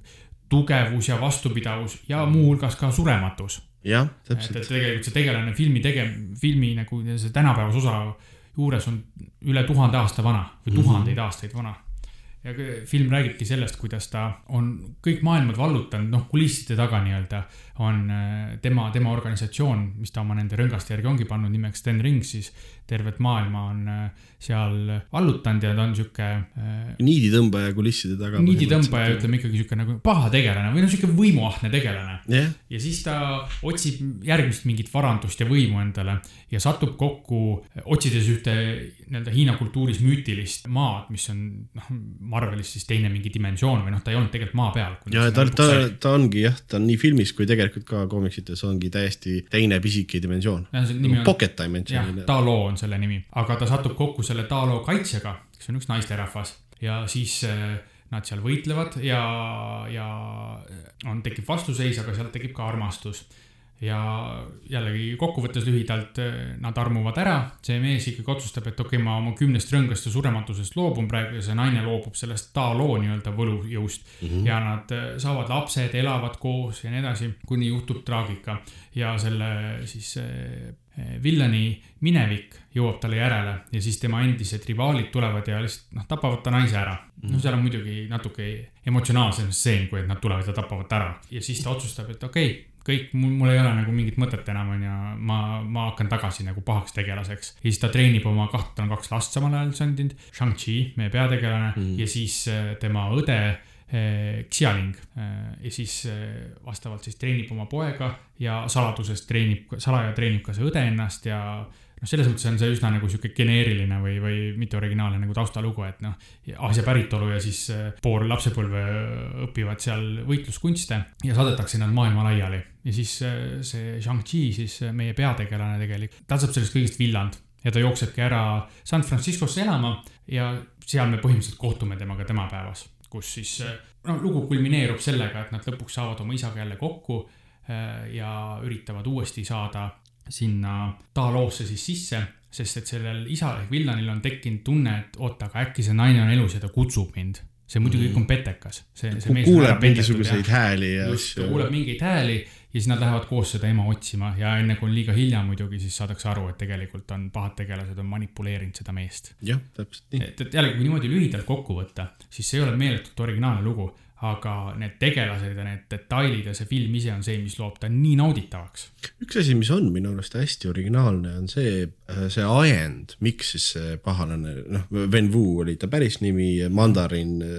sealjuures äh, väike kõrvaljutt, see on äh, see Ven Wu mm, -hmm. Xu Ven Wu on äh, MCU originaaltegelane, sest et äh, originaalis Mandarin ehk see, selle Ten Ringsi juht on tegelane nimega Fu Manchu, kes on, kes on, noh, see on ikka aastakümneid ja kümneid tagasi tehtud tegelane ja see on kõik nagu Aasia rassistlikud nagu stereotüübid kokku ühte tegelasse pandud, temaga oli nagu väga palju probleeme ja noh, peeti paremaks, mitte see, hakata isegi seda kuidagi nagu adapteerima, vaid tehti täiesti originaalne tegelane. ja väga pro problemaatiline selles mõttes jah, teda on mänginud filmides Christopher Lee ongi nii jah? ja koos ilusti ära teibitud silmade ja, ja mõnusa peenikese vuntsiga ja nagu sa ette kujutad ka Briti-Hiina aktsendiga. jah, et selles suhtes tegemist on, oli väga problemaatilise tegelasega ja siis, siis Kevin Feige juhtimisel Marvel otsustas, et nad teevad äh, täiesti uue tegelase, mis. aga see on õige asi, mida aknast välja visata tegelikult, on. täitsa ei ole vaja ja see tegelane oli väga-väga hea, sest ta ikkagi oma olemuselt oli see, mis see mandariini juht peaks olema, eks mm. -hmm. Aga jäid pooleli jah, et, et sellest. ja selle, selle pahalase ajend siis miks, et nagu tavaliselt on see, et tahan, tahan võimu ja tahan noh, või nagu Thanos, tahan poolt maailma, poolt universumit ära tappa, eks. Ven, Ven Wu ehk mandariini puhul oli see asi nagu huvitav, et tema tegelikult see ajend oli ikkagi nagu armastus ja igatsus oma kadunud naise ja. järgi, et see oli nagu, et sa nagu said aru tast palju rohkem kui tavaliselt, sest enamus meist ei ole mingisugused vereimelised maniakid nagu, nagu pahalased filmides, aga tema puhul nagu ma ütleks, et see peaaegu see film oli osaliselt nagu tema lugu tegelikult ka selles. mõttes, et tema oli suuresti tegelikult ohver siin mm, -hmm. teda kasutati väga kurjalt ära Jah., lihtsalt juhtumisi ta oli mees, kes oli surematu ja väga-väga-väga suure mõjuvõimuga. No just, aga ma nagu osaliselt sain, sain aru, aru Täiesti, väga hästi, see- et ta selles oli nagu tegi selle, selle pahalase tegi nagu väga huvitavaks see, et ta oli teistsugune onju. sa elasid tegelikult talle kaasa, said aru, et see, mis ta teeb valesti ja see, mis ta teeb, on halb. aga miks ta seda teeb, see oli täiesti, täiesti mõistetav. jah, oligi nagu, et sa tahtsid, et ta nagu teeks selle, selle face turn'i või siis hakka, hakka nüüd heaks või nagu come on, tehke, nüüd koostööd selles mõttes, eks. Et ta, et see, see Talos, see sein või selline iidne koobas siis ütleme, mis oli rakunisoomustega oli kaetud, selle tagant siis ta kuulis oma neid äh, naise, naise häält äh, kutsumas ennast. Ja Shang-Chi ja tema õde ja tema see äh, tore sidekick Katie, kellest peaks kohe rääkima ähm,, üritasid siis takistada teda, sest et ilmselgelt nemad said aru, et noh, et seal taga ei saa seda ema kuidagi olla tegelikult, et seal peab mingisugune veel kurjem jõud olema. noh, ma ei osanudki nagu peaaegu kelle poolt olla, vaata jällegi, et sellepärast oligi see Jah. villan nii hea, vaata, sa pidid nagu pooli valima, sest tegelikult nagu otseselt nagu halba tegelast nagu ei olnudki onju peaaegu, noh, üks oli lihtsalt nagu eksiteel rohkem lõpus oli see, et ma lihtsalt lasin sellel filmil endaga juhtuda. mm. -hmm, täpselt nii. Actionist rääkides, Actionist ma tahaks küll rääkida. jällegi absoluutne nagu tipptase ja siit sellest actionist paistab nii hästi läbi, et ta on läbi ja lõhki armastusega tehtud ja eeskujuks on just needsamad Hiina kultuurifilmid, alustades sellest. kung-fu filmid vanad. just, et, et seal oli, minu arust oli väga hästi nagu kahte tüüpi selgelt äh, klassikalist ta võitluskunstide koreograafiat, et, et just kui nad seal Talos ja metsa vahel võitlesid, siis oli see klassikaline Hidden Dragon Crouching Tiger, mis nimetatakse seda äh, wirework, siis äh, Wirefox vist kutsutakse.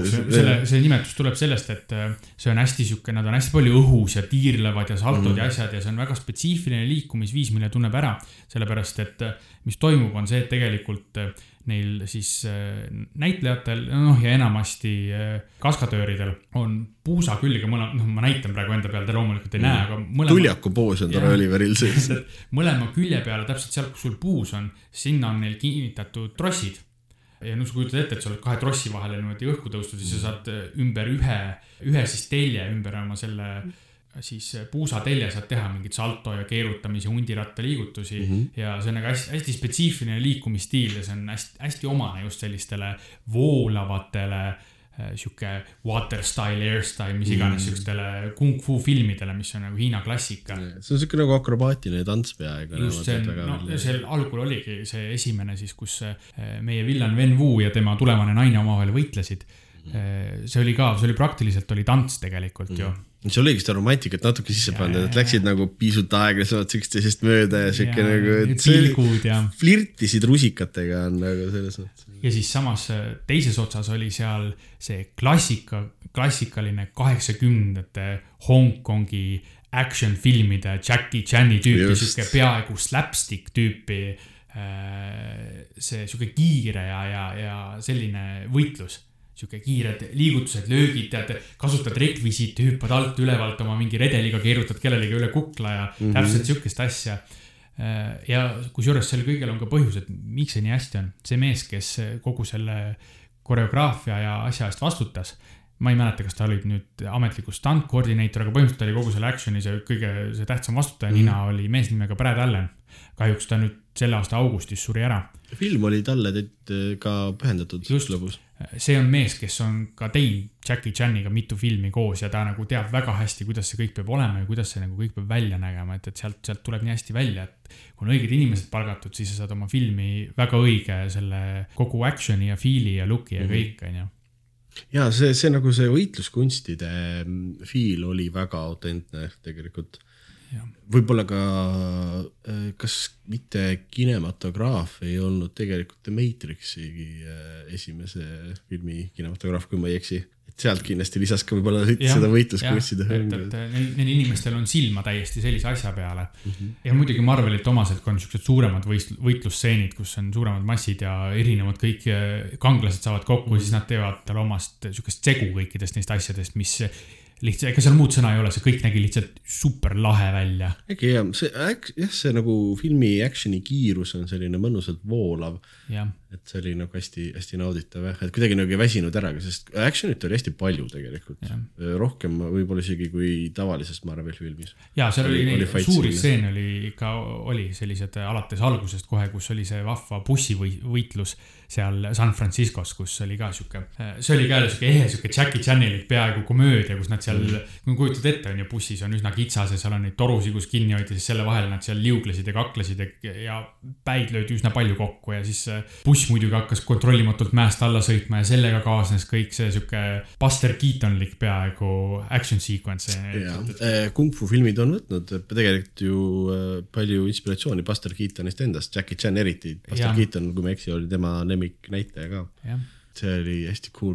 veel selle action'i kohta, seda oli hästi palju ja nad olid suutnud panna võitlusstseenidesse minu arust natukene seda character development'i tegelikult sisse ka. see on tegelikult, see, kuidas tegelased omavahel võitlesid ja mis liigutuste ja asjadega, et see, see nagu kuidagi andis ka nende nagu tundeid ja asju edasi. Seda on raske kirjeldada, aga see nagu töötas. aga see on üks asi, mis jällegi on äh, Marvelile hästi omane. Nad on tegelikult endale teinud hästi selgeks, kuidas action'iga äh, siis äh, süžeed ja just siis tegelase arengut edasi anda mm.. sest noh, paratamatult ikkagi noh, tänapäeval ei ole superkangelase film ei ole enam žanr, on ju, ikkagi need on lihtsalt filmid, mis on konkreetses žanris, see on kung fu film, kus lihtsalt juhtumisi on MCU superkangelased, on ju. aga noh, paratamatult üks osa neist filmidest alati on ikkagi suur hunnik action'it aga nad tahavad ka palju siis ju lugu edasi anda ja nad on jube hästi selgeks õppinud ikkagi, kuidas just need action stseenid jutustavad ka lugu, mitte ei ole lihtsalt koht, kus inimesed vehivad ja me elame kaasa ja, ja lahe on, see on. põhjus, miks nad võitlevad siiski nagu. jah, kui koreograafia on juba jutuks mm, -hmm. siis minu arust oli ka need, see siis see kümme rõngast ise oli hästi lahe, noh, need kaks, kaks inimest seda kasutasid, oli meie villan Venwu ja siis meie peategelane Shang-Chi. ja tema hästi, poeg. Tema poeg jah ei mäletad, kas me mainisime üldse seda, vist mainisime. ja, ja ta oli, ta oli see poeg, kes San Franciscost vaata ära läks, sest tal sai see just. kümne rõnga elu sai villand mm. -hmm. see organisatsiooni elu siis mm. -hmm. aga oli hästi lahe vaadata, kuidas jälle nende kaks stiili olid nii erinevad, kui Wenwu neid kasutas, siis ta oli, nad olid, noh, nad olid tal käte peal on ju need kümme rõngast, kes on postreid näinud, näeb, teab seda väga hästi. ta on siuke brutaalne, ta ikka lai-, lasi ikka rusikatega. Ja mulle eriti meeldis see, kui ta seda seina üritas rusikaga katki lüüa, siis tal oli kõvemat pauku vaja teha, siis ta pani kõik kümme rõngast ühe käe peale. Jah. ja oli ekstra kõvasti. ja siis samal ajal, kui Shang-Chi neid kasutas, siis see oli täiesti nagu anime multikas, need hõljusid tal ümberringi ja noh, see nagu peegeldaski seda, et, et Wenwu on selline üsna sihuke brutaalne sihuke peksja. Ja siis Shang-Chi kasutas rohkem seda oma ema stiili, mis oli see sihuke voolav ja, ja, ja need rõngad olid tema nii-öelda tahtepikendus, mitte lihtsalt nagu jõukordaja, eks. et mm -hmm. nad lendasid tema ümber ja ta saatis neid tegema mida iganes, et see, see jälle see vastuseis nende kahe stiili vahel oli nii lahe, sest nad ka seal lõpuvõitluses kogu aeg vahetasid, et kelle, kelle, kelle käes oli võim nende üle parajasti ja siis kogu aeg muutus see, et, et kes mida teeb nendega, see, see on minu arust üks lahedamaid action sequence eid, mis MCU-s üldse on olnud. see, see võitlusstiilide erinevus oli ka hästi-hästi tore, nagu sa just räägid, et ähm, Wen Wu äh, tõesti ta lõ- lõi nagu, tema eesmärk oli nagu kõvasti lüüa põhimõtteliselt või nagu teha ma- maksimaalselt nagu haiget ise nagu, eks ju, enda jõuga, sellepärast need noh, Jah. talle väga palju power'it.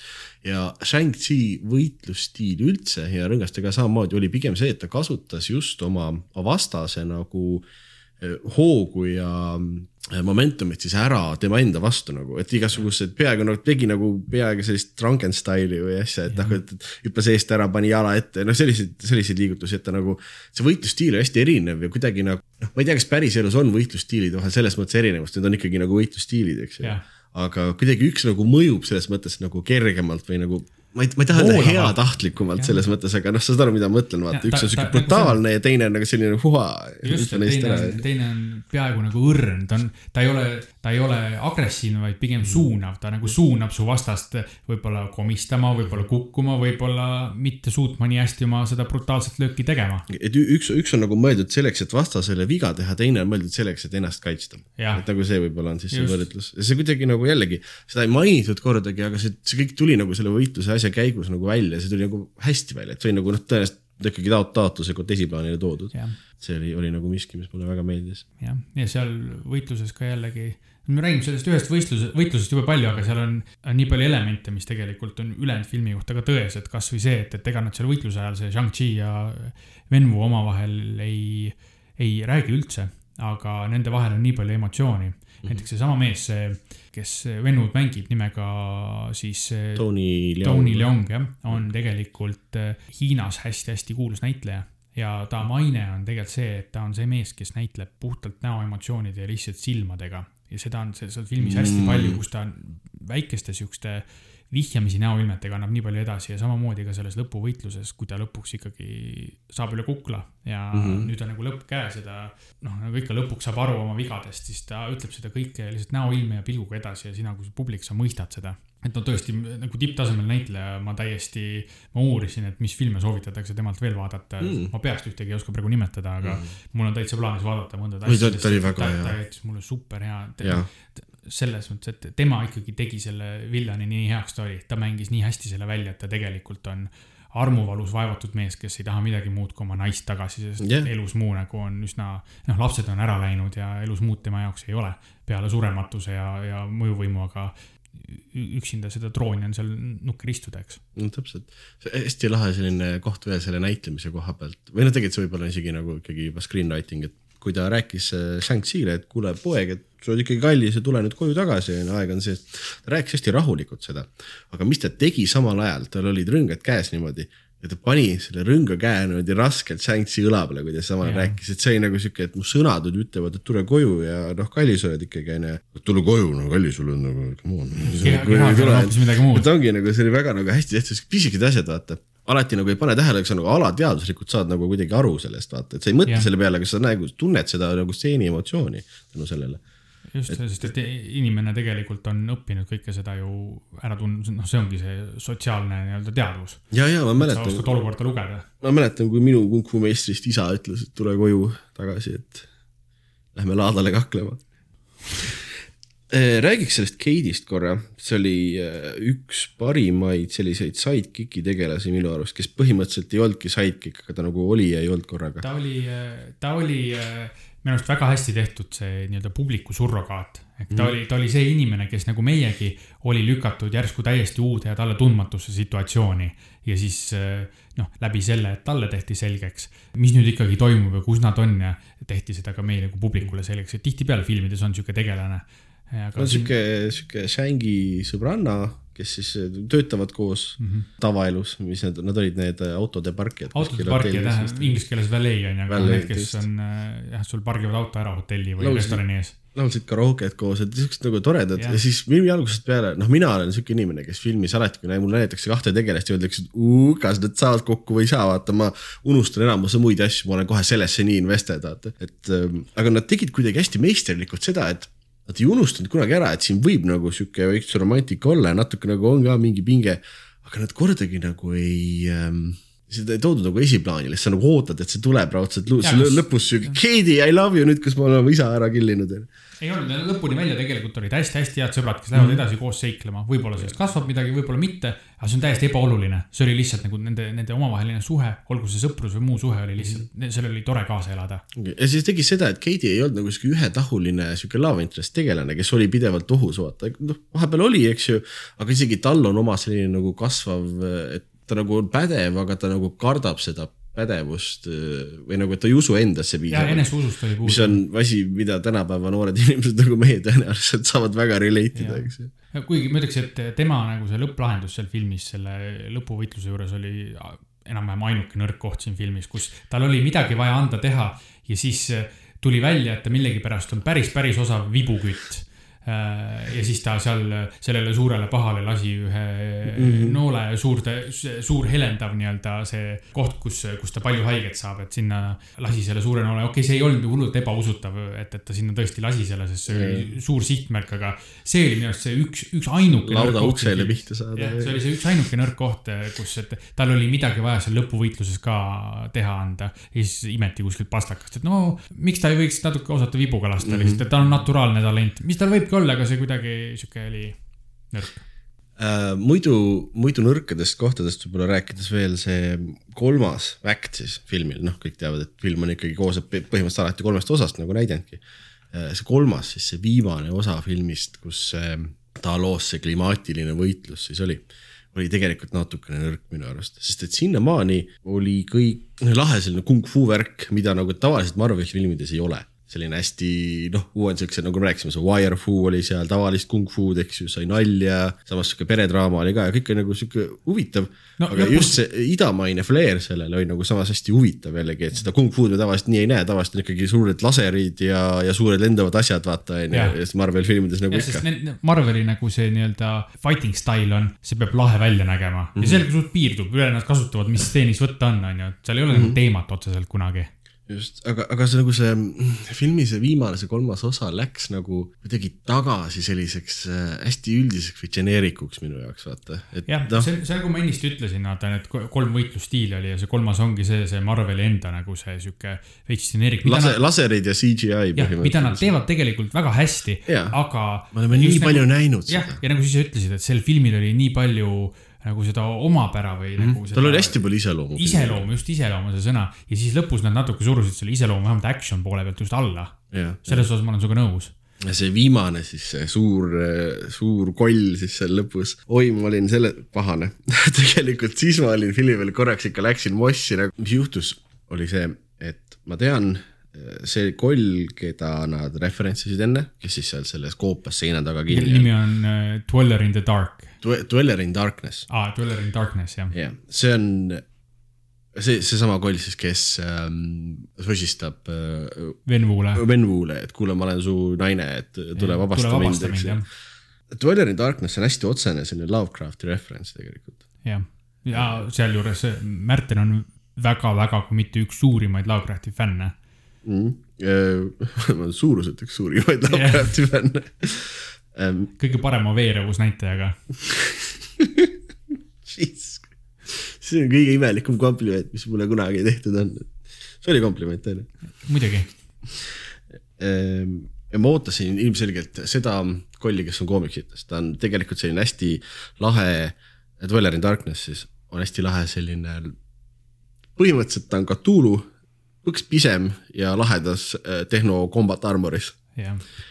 Mecha Cthulhu, jah, Mecha Cthulhu ja, ja ta on koomiksitest rääkides, ta on huvitaval kombel e- eelmisest universumist ähm, üks, üks väheseid nagu ellujäänuid. Marvelis on tegelikult äh, koomikites ongi hästi lahe see, et on nagu universum, elab oma aja nii-öelda ära ajajoonel, saab otsa ja hakkab järgmine. et noh, hetkel praegu see, kus kõik Ar- Marveli koomiksid ja noh, nii-öelda ilmselt ka siis MCU töötab, on vist neljas, kui ma ei eksi üldse jah, seda ma isegi ei tea.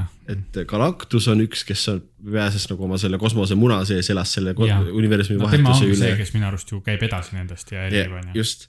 ja, et, et Dweller on ka, et Dweller tegelikult põhjustas eelmise huku. ta toitub nagu inimeste hirmudest seal. ta põhimõtteliselt hakkaski nii, nii nagu inimesed kartsid seda maailma lõppu ja, siis eh, noh, Dweller hakkaski tänu sellele, ta hakkas nagu tohutult võimsaks saama tänu sellele ja, Jah. ja siis sai nagu sihuke self-fulfilling prophecy põhimõtteliselt, et maailm lõppes, eks ju, Dweller sai nagu, elas selle lõpu üle hästi võimsana ja noh, nüüd ta on siis ka nagu pahalane selles Marveli just. ühesõnaga jah, mina ootasin oma väikest äh, Cthulhu't seal, istun kinos, mõtlen, et oo oh, Cthulhu, võtan, davai, et lähme, let's go. no lõppkokkuvõttes ta oli ikkagi ainult see MacGuffin, ta oli lihtsalt mingisugune vidin mm, -hmm. mis seda ülejäänud juttu edasi. ja et miks tegelased tegid seda, mida nad tegid, eks ju. no seda tuleb Marvelis ette tegelikult, et nad aeg-ajalt siukseid suuri ja lahedaid ikkagi villaneid koomiksitest natuke raiskavad ära. mõneti, no ühesõnaga, mis, mis, miks ta nagu raisatud oli, minu arust oli see, et Dweller siis ilmub välja lõpuks sealt äh, selle seina tagant. teeb buum, see on täiesti suvaline mingisugune CGI-ga tehtud draakon lihtsalt musta värvi. selles mõttes ma ütlen, kõik draakonid on CGI-ga tehtud. tänapäeval muidugi. ja tehniliselt ei ole ka draakon muidugi, vähemalt Hiina mütoloogia mõistes. aga see on juba eraldi teema. see on eraldi teema ja tegelikult, millest ma tahan ka rääkida, ma tahan veel kurta, mul hakkavad asjad meelde tulema. Ühesõnaga hästi raisatud oli, mu lootused, mille ma, olgem ausad, ise olin endale loonud. Film ei olnud mulle lubanud midagi, film ei olnud mulle ühtegi Cthulhu't võlgu lõpus. see jälle, see minu arust iseloomustab jälle nii hästi, kuidas sa aeg-ajalt neid filme ikka vaatad. see ei olnud nii, nagu ma tahtsin. aga nad ei lubanud ka, et see siuke on, aga ma tahtsin. ühesõnaga, ma ei saanud seda, mida ma tahtsin, kuigi ma ei tea, kas oleks midagi andnud, võib-olla oleks just keeruliseks läinud lõpus onju, et äkki siis keegi jääbki sassi, et what the fuck äkitselt Cthulhu out of nowhere või noh, midagi sellist no mi, mi, mina selles mõttes alati usaldan ikkagi seda Kevin Feige MCU Mhm. eestvedaja seda üldist visiooni, sest tavaliselt ta näeb läbi, mis nagu on mõtet sisse tuua ja mis, mis jääb nõrgaks või segaseks mm. -hmm. mitte öelda muidugi, et see mees on veatu ja perfektne. Ta on teinud ka otsuseid, millega ma nõus ei ole, aga Mhm. üldiselt ma nagu usaldan tema otsust ja ma arvan, et just nagu sa ise ütlesid, et kui nad oleks selle ka veel sisse toonud mingisuguse põhivillanina, siis äh, äh, see oleks võib-olla läinud keeruliseks sest oma olemuselt see film on ikkagi nende tegelaste suhted ja asjad, tegelikult seal ei olnud siukest kollvillanit mm. -hmm. nagu ma ütlesin, see oli teisejärguline. ta oli lihtsalt mingi MacGuffin, et, et ajendada neid tegelasi tegudele lõppkokkuvõttes, et see ei olnudki siuke kollvillani film, vaata mm. -hmm. Aga ma mõistan ka sind, miks sa nagu pettunud olid, nad oleks võinud ükskõik mis suvalise muu kolli eh, kasutada ja seda, teda, temast teha nagu päris vastase kunagi tulevikus, onju. Mhm. või jätta kasutamata, jättagi nii, et tüüp jääbki sosistama seina, seina taha. ja nagu me teame, kõige suurem hirm üldse on hirm teadmatuse ees. jah, teadmatus, tundmatus. ja nagu, kui sul on mingisugune super villain, kes suudab nagu manipuleerida inimesi, sositab seina tagant, uu, vabastage mind. kuskilt teisest dimensioonist. täpselt, jätke see näitamata, vägev ja, ja te ei pea kunagi isegi näitama seda, aga ma tean, et see on olemas, Jah. kusjuures jumala põnev onju. aga siis tuleb välja, et ta on suvaline mingisugune draakonilaadne elukas ja ta ei räägi enam kordagi, olles manipuleerinud sõnadega enne. noh, sihuke nagu, see läks nagu lihtsalt täiesti nagu see, mida ma ei tahtnud, see on see, mille ma sain ja nagu ma ei saanud ka aru, miks, et nagu see pidi ju olema hoopis teistsugune, eks ju noh. Aga kui nüüd see koll välja arvata, siis minu arust seal just lõpus see Talo ehk see siis müstiline taskudimensioon mm, -hmm. see võludimensioon, mis siis kaitseb maailma nende Dweller in Darkness ja muude selliste kollide vastu, nad on omaette klass kolle nimega Deviants, vähemalt MCU-s, kaitsevad nende kõigi eest mm. -hmm. aga see, see nagu, see Talo ise oli minu arust ülimalt lahe, sest see oli jälle üks neist kohtadest, mis täiesti ülevoolav nõrgus sellest Hiina mütoloogiast, seal Jah, oli jah. Kui nad sinna esimest korda sisse läksid ja seda filmi, noh filmiti, näidati meile kõike, siis kes teravsilmselt vaatas, nägi seal nii palju loomi, kes on kõik Hiina mütoloogiast pärit, alates sellest Nine-Tailed Fox on üheksa mm -hmm. sabaga rebane, siis Hiina kivilõvid, mis kõik kõlavad eesti keeles nii lollakalt, aga Chinese äh, Stone äh, Lions on ju, mis on ka nagu noh, ma ei hakka teile kirjeldama, aga kui te pilti näete, siis te olete ja, ja ma tean seda. ja lõpetades selle nii-öelda Great Protectoriga seal ise või kes on kõige ehedam Hiina draakon, sest Hiina draakon ei ole sama, mis lääne draakon. Hiina draakon on sihuke pikk-pikk uss, kellel on sihuke uimelaadsed, siuksed ujuvad asjad seal, noh, kes on näinud mingeid neid eh, Hiina paraade filmides on ju, kus seal on hunnik mehi ühe pika ussi sees hüppavad ja ta on ka, tal tiibu tal ei ole, ta liugleb nagu uss läbi õhu, ta elab vee all eh, oma pisikeste jalgadega ja nagu see oli nii lahe, et see ka kõik oli tõetruu sellele, mis on päris Hiina mütoloogia mm -hmm. neil teemadel. et, et see oli nii meeletult ilus ja kogu see, kogu see muu asi paistis ka läbi, kõik need kunsti, kunstiteosed, mis seal oli, see äge mingi veepõhine kaart, mis neil oli, mis selle Taalo koha kätte näitas seal Vennu kodus, vaata et, et jällegi jõuame ringiga selle poole tagasi, et kuna olid õiged tegijad siia filmi kokku pandud, siis igast, praktiliselt igast detailist, ma näen, et sa tahad millegi üle kurta, aga ma tean, et praktiliselt igast detailist, ka muusikast paistis mm -hmm. läbi see, et, et see on läbimõeldud ja seal on üks konkreetne nagu theme või eda, edasiviiv siis see, nagu temaatiline jõud on ju. nagu jah, jah, see üks, üks kindel sul mõjutus jah. väga selge inspiratsioon ja seda inspiratsiooni nagu jälgitud mm. -hmm. see Hiina mütoloogia jah, oli, oli see, mis nagu oli nii-öelda story liselt kui visuaalselt see edasiviiv jõud tegelikult. minu jaoks hästi võõras asi tegelikult, sest et. aga meeletult ilus on ju. ja hästi huvitav. Jah, sest mina ka sellest osast kõige rohkem tean ainult seda muusika poolt, mis samamoodi oli siin hea, sest siin oli nii seda, kui oli see linnasvõitlused ja, ja siis, kui Shang-Chi alles nii, seal San Franciscos oli, siis oli sihuke, tead sihuke bassine, sihuke hip-hopilikud siuksed action muusikad mm -hmm. taustaks ja siis Hiina poolel oli jälle sihuke klassikaline, noh, kes teab, kujutab ette siukeste väga kõrgeheliliste. vesised keel, harfid. keelpillid ja, ja, ja mingid vilepillid ja asjad ja, ja väga lihtne, väga lihtsad löökpillid kokku ja siis muidugi kõike seda kokku sämpeldatud lõpuks seal nendes äh, nii-öelda võitlustausta muusikates, minu arust see kõik tuli nii ilusti kokku mm. -hmm. et siin tegelikult äh, tuleb päris hästi võib-olla välja see kui ma siin kurtsin selle noh, lõpuosa üle, ma tegelikult nautisingi seda maailma, seda taalood väga palju, sa olid huvitav mütoloogilised olendid ja järjest tahtsin nagu näha, et oo, et mis, mis, mis asjad need on ja kuidas ja. need inimesed siin elavad ja kõik see on nagu hästi värviline, ilus ja huvitav mu jaoks. et ja siis see lõppes kõik sellise pika nagu arvutiga tehtud üpris segase minu jaoks vähemalt oli see küllaltki segane, sest nagu seal juhtus väga palju nagu kõik oli arvutiga tehtud ja nagu noh, laserid endasid nagu see, see pika siukse nagu battle'iga. ja peaaegu tahtsin, et nad oleksidki lihtsalt teinud hoopis Wen Wu versus äh, Shang-Chi kuskil kalju otsas ja nagu ja. see noh, see oleks nagu palju see, nagu see... emotsionaalsem minu jaoks olnud, sest et ma olen näinud neid pagana lasereid ja draakoneid nii palju Marveli filmides, et ma nagu ootasin midagi muud, et nad natukene kukkusid tagasi sellesse, mida nad on kogu aeg teinud. ja ma ei tea, kas see tuleb sellest, et see oligi plaanitud, kas nad kartsid teha. sest siin filmis muud... niigi hästi palju riske juba võetud tegelikult. tõesti võeti riske palju selles mõttes ja aga ikkagi minu jaoks selle lõpuvõitluse ikkagi nagu tipphetk oli see Shang-Chi versus Wen Wu, sest nende need vastandlikud mm -hmm. stiilid ja kõik see, see nägi meeletult aga see olekski võinud see põhiasi olla selles mõttes keskenduda selle ümber oli nii palju mingit muud asja veel, mida tegelikult ei olnud seda vaja. kuidas need teised kõik tegelased seal võitlesid nende Dweller in Darkness mingite käsilaste ja asjadega, et, et see oli siuke klassikaline so,. Soul sucking demonitega või kuidas nende. see oli siuke klassikaline, see siuke massivõitlus, mida olnud sinna vaja. jah, selles suhtes kui midagi ette heita, siis on see, aga see on tegelikult on nagu ka nagu üks suht ainuke asi, mida ette heita filmile. ei no siin, see on tõesti, see on, see on väga hea film. lõbus. Ja. ja siis äh, oleks võib-olla huvitav arutada mõne, mõne sõnaga, kuidas see film mahutub suuremasse MCU äh, universi. MCU Universe on loll öelda, sest ma ütlesin Marvel Cinematic Universe, universe, universe, see on nagu ATM machine on ju et, et siin ikkagi, kes tähelepanelikult, isegi vähem tähelepanelikult vaatab, siis siin näeb vihjeid ja referentse küll muudele asjadele.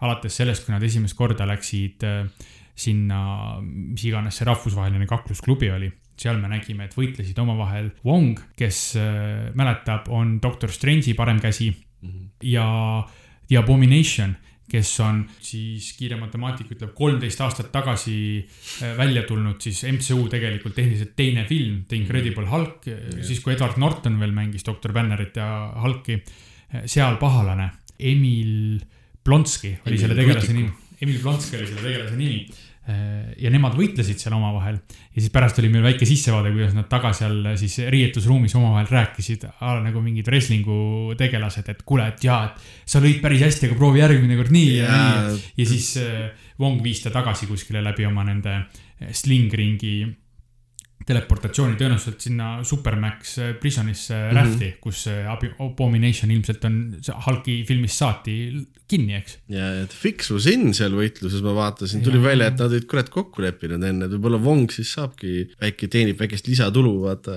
jah, võib vabalt olla, et, et ja kes vaatas seal taustal ja teisigi seal paar Black Widow võitlesid Black Widow filmist, sest no tegelikult Black Widow ise on see meie põhi Black Widow, kes on surnud, oli üks tegelane, aga tegelikult ju seal oli terve, noh, neid oli meeletult palju mm., see oli tegelikult ametinimetus, mitte tegelase yeah, nimi, eks. jah, täpselt et, et üldse minu arust. see Black Widow kusjuures võitles ähm, Ironman kolmest ju selle ekstreemis, vot see, ma ei tea, Jaa. nad nakatasid või mis nad mis iganes see ekstreemis asi töötas. see mingi nano, nano mingi. see nanoviirus, eks ju, et ta, ta nagu võitles äh, ühe tegelasega või mingi käsilasega siis või kes iganes seal oli, kes oli ka ellu jäänud Ironman kolmes, siis äh, võitleski temaga tegelikult. no suvaline mingi henchman oli, aga lihtsalt nad olid nagu kahest eri eelmisest. MCU filmist nagu Siis tegelased olid sinna pandud onju. see ongi minu arust, see on see, miks neid on ka nii lahe vaadata, et, et see film alati, kui sa vähegi jälgid, on alati osa sellest suuremast Marveli universist, eks mm. -hmm. Ironman kolmest rääkides, Ironman kolme tegelikult ju nii-öelda naljavillen või, või petuvillen oli ka mandariin. Õigus, seda ma pole rääkinud. sealne, jah, sealne mandariin oli meil ju tegelikult, kes mäletab, oli näitleja siis eh, nimega Trevor Slattery, kes ainult teesk-, noh, ta palgati sinna teesklema ja me kohtame teda ka selles filmis, sest ilmselgelt selline portreering sellest mandariinist solvas väga Ben Wood, kes on see tegelik nii-öelda mandariin, kuigi ta ise ütleb, et teda nii ei tohi nimetada, ta veel tegi nalja, et mis mõttes nad, nad nimetasid mind kanaroa järgi, panid mulle nime ja siis terve maailm kartis mind, et kui absurdne. et ta oli põhimõtteliselt selle Trevor Slattery endale, endale ära röövinud ja ta oli nende põhimõtteliselt külanarr oli. külanarr oli, ta seal vahepeal toodi teda rahva ette, kus ta äh, Shakespeare'i esitas vist. Shakespeare'i esitas ja nii me temaga seal kohtusime. see on üldse naljakas mõelda, et kui sa mõtled, et mis kõik näitlejad ja mis tegelased ja kõik on MCU-s ja siis keegi ütleb sulle, et ja, et Ben Kingsley on ka osaline MCU-s mm. -hmm. Ben Kingsley mitmes filmis olnud. ja, ja, ja ta, ei, see on frantsiisi osa. Ben Kingsley kõrgelt hinnatud, väga hea ja auhinnatud näitleja. Shakespearean koolitusega näitleja, klassikaliselt treenitud. ja ta mängib mingisugust joodikust briti mingit läbikukkunud näitlejat, kes on on- kellegi õukonna narr on kuskil hiinlastel. mees on Hamletit teinud, kurat. seda on nagu naljakas. literaali ma vaatasin kusjuures. jah, on, ta on, ta on, ta on, ta on kõiki neid asju teinud, mis on need õiged milstone'id heal näitlejal on ju klassikalisel. aga jah, siit eh, tegelikult filmist üldse eh, mul, mulle jäi nagu sihuke mulje, et see meie siis Wong on äh, nagu selle faasi see Phil Coulson või nüüd selle uue faasi, kui, kes mäletab, siis äh, enne esimese Avengersi filmi Phil Coulson oli see, kes igas selles äh, siis origin filmis uutel tegelastel käis kohal ja neid äh, kokku korjas ja suunas ja ta oli see Shieldi ja Nick Fury esindaja mm. -hmm. siin nagu on Wong see, kes filmides siin ilmub näole siin selles filmis ka, filmi lõpus tema korjas siis selle Shang-Chi ja Kate'i peale, et noh, et tulge nüüd, et äh, te olete ennast näidanud sellest küljest, et te olete valmis maailma päästma, et noh, et äh, nagu lõpus öeldi, et welcome to the circus, et äh, võeti kaasa. no tegelikult see on ju loogiline ka, sest et äh, see uus neljas faas siis MCU-st nüüd, eks ju, mis Jah. on Shang-Chi oli teine film, Widow oli, noh, ta oli küll peaaegu nagu prequel, aga ta oli ikkagi esimene film sealt. et me, me liigume ju palju rohkem mitte nagu kosmose poole, vaid nagu maagia poole tegelikult ja, ja timeline'ide ja asjadega mitte. ainult kosmos, vaid eri dimensioonid ja Just. Eri universid ju, sest kogu see multiversi mm. -hmm. teema on siin käiku läinud, et, et tegelikult see Wong sobiks ülihästi selleks. Siin koha peal on täitsa sest ta on ju kogemustega orienteerub seal mm. -hmm. ja Wongi, Wongi ja selle mm, Abomination'i koha pealt, kusjuures ma nägin lahedat teooriat, et äh, Marvel kunagi tahab võib-olla teha ju Thunderboltsi filmi, mis, mis on põhimõtteliselt Marveli Suicide Squad. sarnane, sarnane rühmitus sarnane kontsept pahalasi on nagu kokku pandud, kes peaksid olema seal Raftis seal selles Max Prisonis, eks ju, aga siis, et meil on vaja teha mingisugust sihukest undercover äh, asja, millest valitsus teada ei tohi ja me ei saa nagu Avengersid ja kangelasi sinna saata, et äh, kuulge, pahalased panevad teid nüüd kokku ja minge, minge, minge tehke. jah, et see oleks jällegi väga-väga lahe asi, mida näha.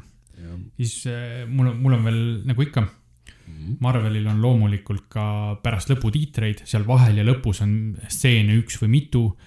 rekord on vist mingi neli tükki, mis oli, kas see oli Guardians of the Galaxy kaks, kus oli neid mingi megalt aa jaa, hästi palju, kahes oli hästi palju jah. üks neist stseenidest oli siis see, kus Wong ja seal teised, sealhulgas ka doktor Bruce Banner, huvitav, doktor Hulki või seda ta, Smart, Smart, Smart, Smortal, Smart Hulki enam ei ole, et äh, doktor Banner on jälle tema ise inimvormis tagasi, et huvitav. sellest me võib-olla saame rohkem teada äh, vist järgmisel aastal ilmuvas äh, She-Hulk sarjas tõenäoliselt. ja Carol Danvers ehk kapten Marvel olid seal, nad kõik uurisid seda ja said neid siis kümmet rõngast. ja sealt paistab, et jah, need on tuhandeid aastaid vanu ja noh, tuleb välja, et üks kõige võimsamaid artefakte üldse Marvelis, sest see annab sulle kõik need võimed ja surematuse konkreetselt. Ja see, et on eri värvi, vaata kui Venwu neid kandis, nad olid sinised mm, -hmm. Shang-Chi kandis, nad olid siuksed kuldkollased mm. -hmm. ja seal on ka nagu huvitav mõte, et noh, mis nad siis tuvastasid, et see saadab mingit signaali välja, ehk siis nad on är ärganud ja nad saadavad kuskile kosmilisse või dimensioonidesse saadavad mingit signaali välja, et me oleme nüüd olemas, tehke minuga midagi mm. -hmm. ja siis seal oli ka nagu huvitavad mõtted, et äh, jälle, kuidas see seostub äh, laiema Marveli universiga, meil on see järgmine film on Eternals, ehk mm -hmm. kes on ka nagu siuksed kosmilised olendid jah, ja nende nii-öelda see tunnusvärv on ka sihuke kuldkollane. Ja nemad on head tegelased. Ja kui Shang-Chi neid kasutas, et võib-olla nad siis ennast tuvastavad kuidagi neile headele tegelastele, sealjuures kui Venu neid kandis ja need sinised olid, sinine üldse eh, Hiina mütoloogias, siis sinine on nagu nii-öelda see kuri või paha värv või noh, sihuke nagu negatiivne pigem. ja needsamad, kes ma enne rääkisin, need deviant'id, kes on siis need noh, nagu nimigi ütleb, nagu kõrvalekalle normist või deviant, eks jah, Need on ka need, need olendid, kelle vastu need Eternalsid siis võitlevad. ja siis üks teooria on, et ka see Dweller in the Dark on tegelikult deviant ja need rõngad ise kutsusidki tema poole või üldse nende nii-öelda pahade deviantide poole. et, et see on jälle üks nagu üsna, üsna huvitav teooria, et kuidas see kõik on seotud laiema Marvel Universiga. no selles järgmises Eternalsi filmis on tegelikult Celestialid ka hästi-hästi tähtsal kohal ilmselt. ja Marveli mütoloogias, koomiksites Celestialid on iidne kosmosehiiglaste rass põhimõtteliselt, kes käib ja loob planeete ja loob eh, noh, rasse. tehniliselt me oleme mõnda neist näinud isegi. Guardians of the Galaxy ühes yeah. oli mingisuguses taustastseenis oli ühte Celestiali näha siis, kui see kollektor mm. rääkis neile Infinity Stone idest. Siis tema käes oli, üks oli punaste silmadega, kelle käes oli ilmselt see Reality Stone siis mm. -hmm. ja ühe Celestiali pea sees on nad käinud, see koht nimega Nowhere äh, Guardians of the. Galaxy's oli mm -hmm. ühe surnud Celestiali pea. noh, see annab aimu, kui suured nad on, jah, et noh, ta pea oli planeet. just ja, ja Celestialid tegelikult lõidki planeedile või õigemini meie päiksesüsteemi lõid siis nagu need kolm rassi äh,. inimesed, deviantid ja eternalsid, eks ju., eks eks me nüüd edasi näeme järgmistes filmides ja sarjades, mis see kõik tähendab ja mis see, mis see loeb. no see ongi natuke huvitav, sest minu arust nad on jõle palju asju Phase nelja nüüd kokku pannud, sest Eternalsid on noh, või Eternalsid tähendab need äh, Celestialid või peaksid olema nagu see järgmine, mida mina kujutasin ette, et järgmine suur faas saabki olema nende Jah. ümber, et kuidas nad võib-olla tulevad tagasi, mõtlevad, et pss, inimkond on täitsa raisku läinud ja mis me et hävitame need bakterid ära põhimõtteliselt ja võitluse nende vastu. samas meil on ka ju Loki timeline'id ja need multiverss on mängus kõik, et ju., et siin on päris palju asju, mis nad saavad teha. ja meil on ka see Magic'u osa, mis nüüd kõvasti tuleb Doctor Strange'i filmiga, kus on äh, Darkhold, eks ju, see pagana raamat, mis meil oli WandaVisioni sarjas jällegi. ja et mis sellega saab ja see on järgmine koht, kus ma olen jälle fingers crossed olen vaikselt, et Cthulhu, võta, come on, onju. tegelikult äh, Marveli Cthulhu see, tema nimi on Chthon. ja et konkreetselt ta ongi Darkholdiga saab teda välja kutsuda, nii et no igal igal juhul mina ootan põnevusega, mis nad edasi mm -hmm. teevad ja nagu ma jätkuvalt kordan, seni ma ei ole näinud ühtegi põhjust neis kahelda või, või, või pettuda isegi. MCU paugutab edasi jällegi ikka täiesti põhjapedaaliga, selles mõttes ütleme, et full gas ja no breaks. full gas, no breaks ja nad teevad üheksakümmend viis protsenti ajast nad teevad kõik õigesti., loomulikult mitte miski ei ole perfektne, aga mm -hmm. nagu üle, ülevoolavalt on nad olnud väga-väga head. nii, aga kuni, kuna me seni oleme seda teinud äh, igal seansil, siis äh, kas paneme nüüd ka mingi numbri sellele külge? ja peaks, peaks panema, tahad sa, tahad sa ja ma panen sellele kohe julgelt äh, üheksakümnest.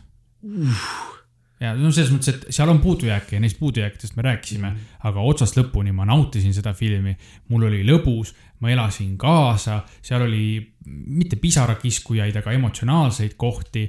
see action oli meeletult lahe, seal oli kui vähegi jälgida, siis seal oli nii palju selliseid väikseid kohti, kus tead liblikad kõhus, oh kui lahe, oh seal on see asi, see on see asi mm.. see oli lihtsalt, see oli väga-väga-väga hea MCU film ja väga-väga-väga hea kung-fu film. jah, üheksakümnest minu jaoks on see vähemalt MCU filmides on top viis kindlasti. mm. -hmm.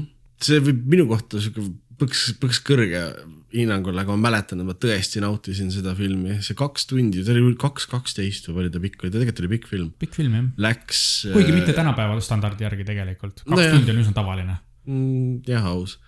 aga see läks nii kähku lihtsalt, et ma nagu unustasin vahepeal muu asja peale mõelda ja täiesti nagu šupp ja oli kaks tundi läinud ja ma olin, noh, ma olin lihtsalt vaadanud ekraani ja olnud nagu, mul oli väga hea tuju. ja minul oli lõpupoole lausa natuke see, et kurat, see näeb välja nagu lõpufait, ma ei taha, et see läbi saab. suht, suht. ma annaksin sellele lausa kaheksa rõngast kümnest. no kaheksakümnest on Märteni jaoks ju kümmekümnest tegelikult, see on kõrge hinnang. see on kurat mõne mehe üksteist, ohoh, sinu skaala läheb üheteistkümneni välja, jah. muidugi. miks see parem on? no see on üks rohkem ju. täpselt nii, ma olen lihtsalt kõvem mees kui teised. ka tänan, et meid kuulasite. Võtke meiega jätkuvalt ühendust, leiate meid Instagramist, at maailmalopukino podcast, võite saata meile e-kirja maailmalopukino at gmail.com, isegi Twitterist leiate meid, kui otsite maailmalopukino mm. -hmm. kõikidel neil kanalitel on oodatud nii kaebused, kiitused, ettepanekud, tagasilükkamised soovitage meile filme, mida vaadata, me hea meelega vaataks ja räägiks. Ja küsige küsimusi mm, -hmm. arutlusteemad on alati teretulnud. Öelge meile, kui nägusad me oleme. jah, otsige pilt netist üles, see ei tohiks nii raske ka olla. ja järgmise korrani. järgmise korrani, tšau.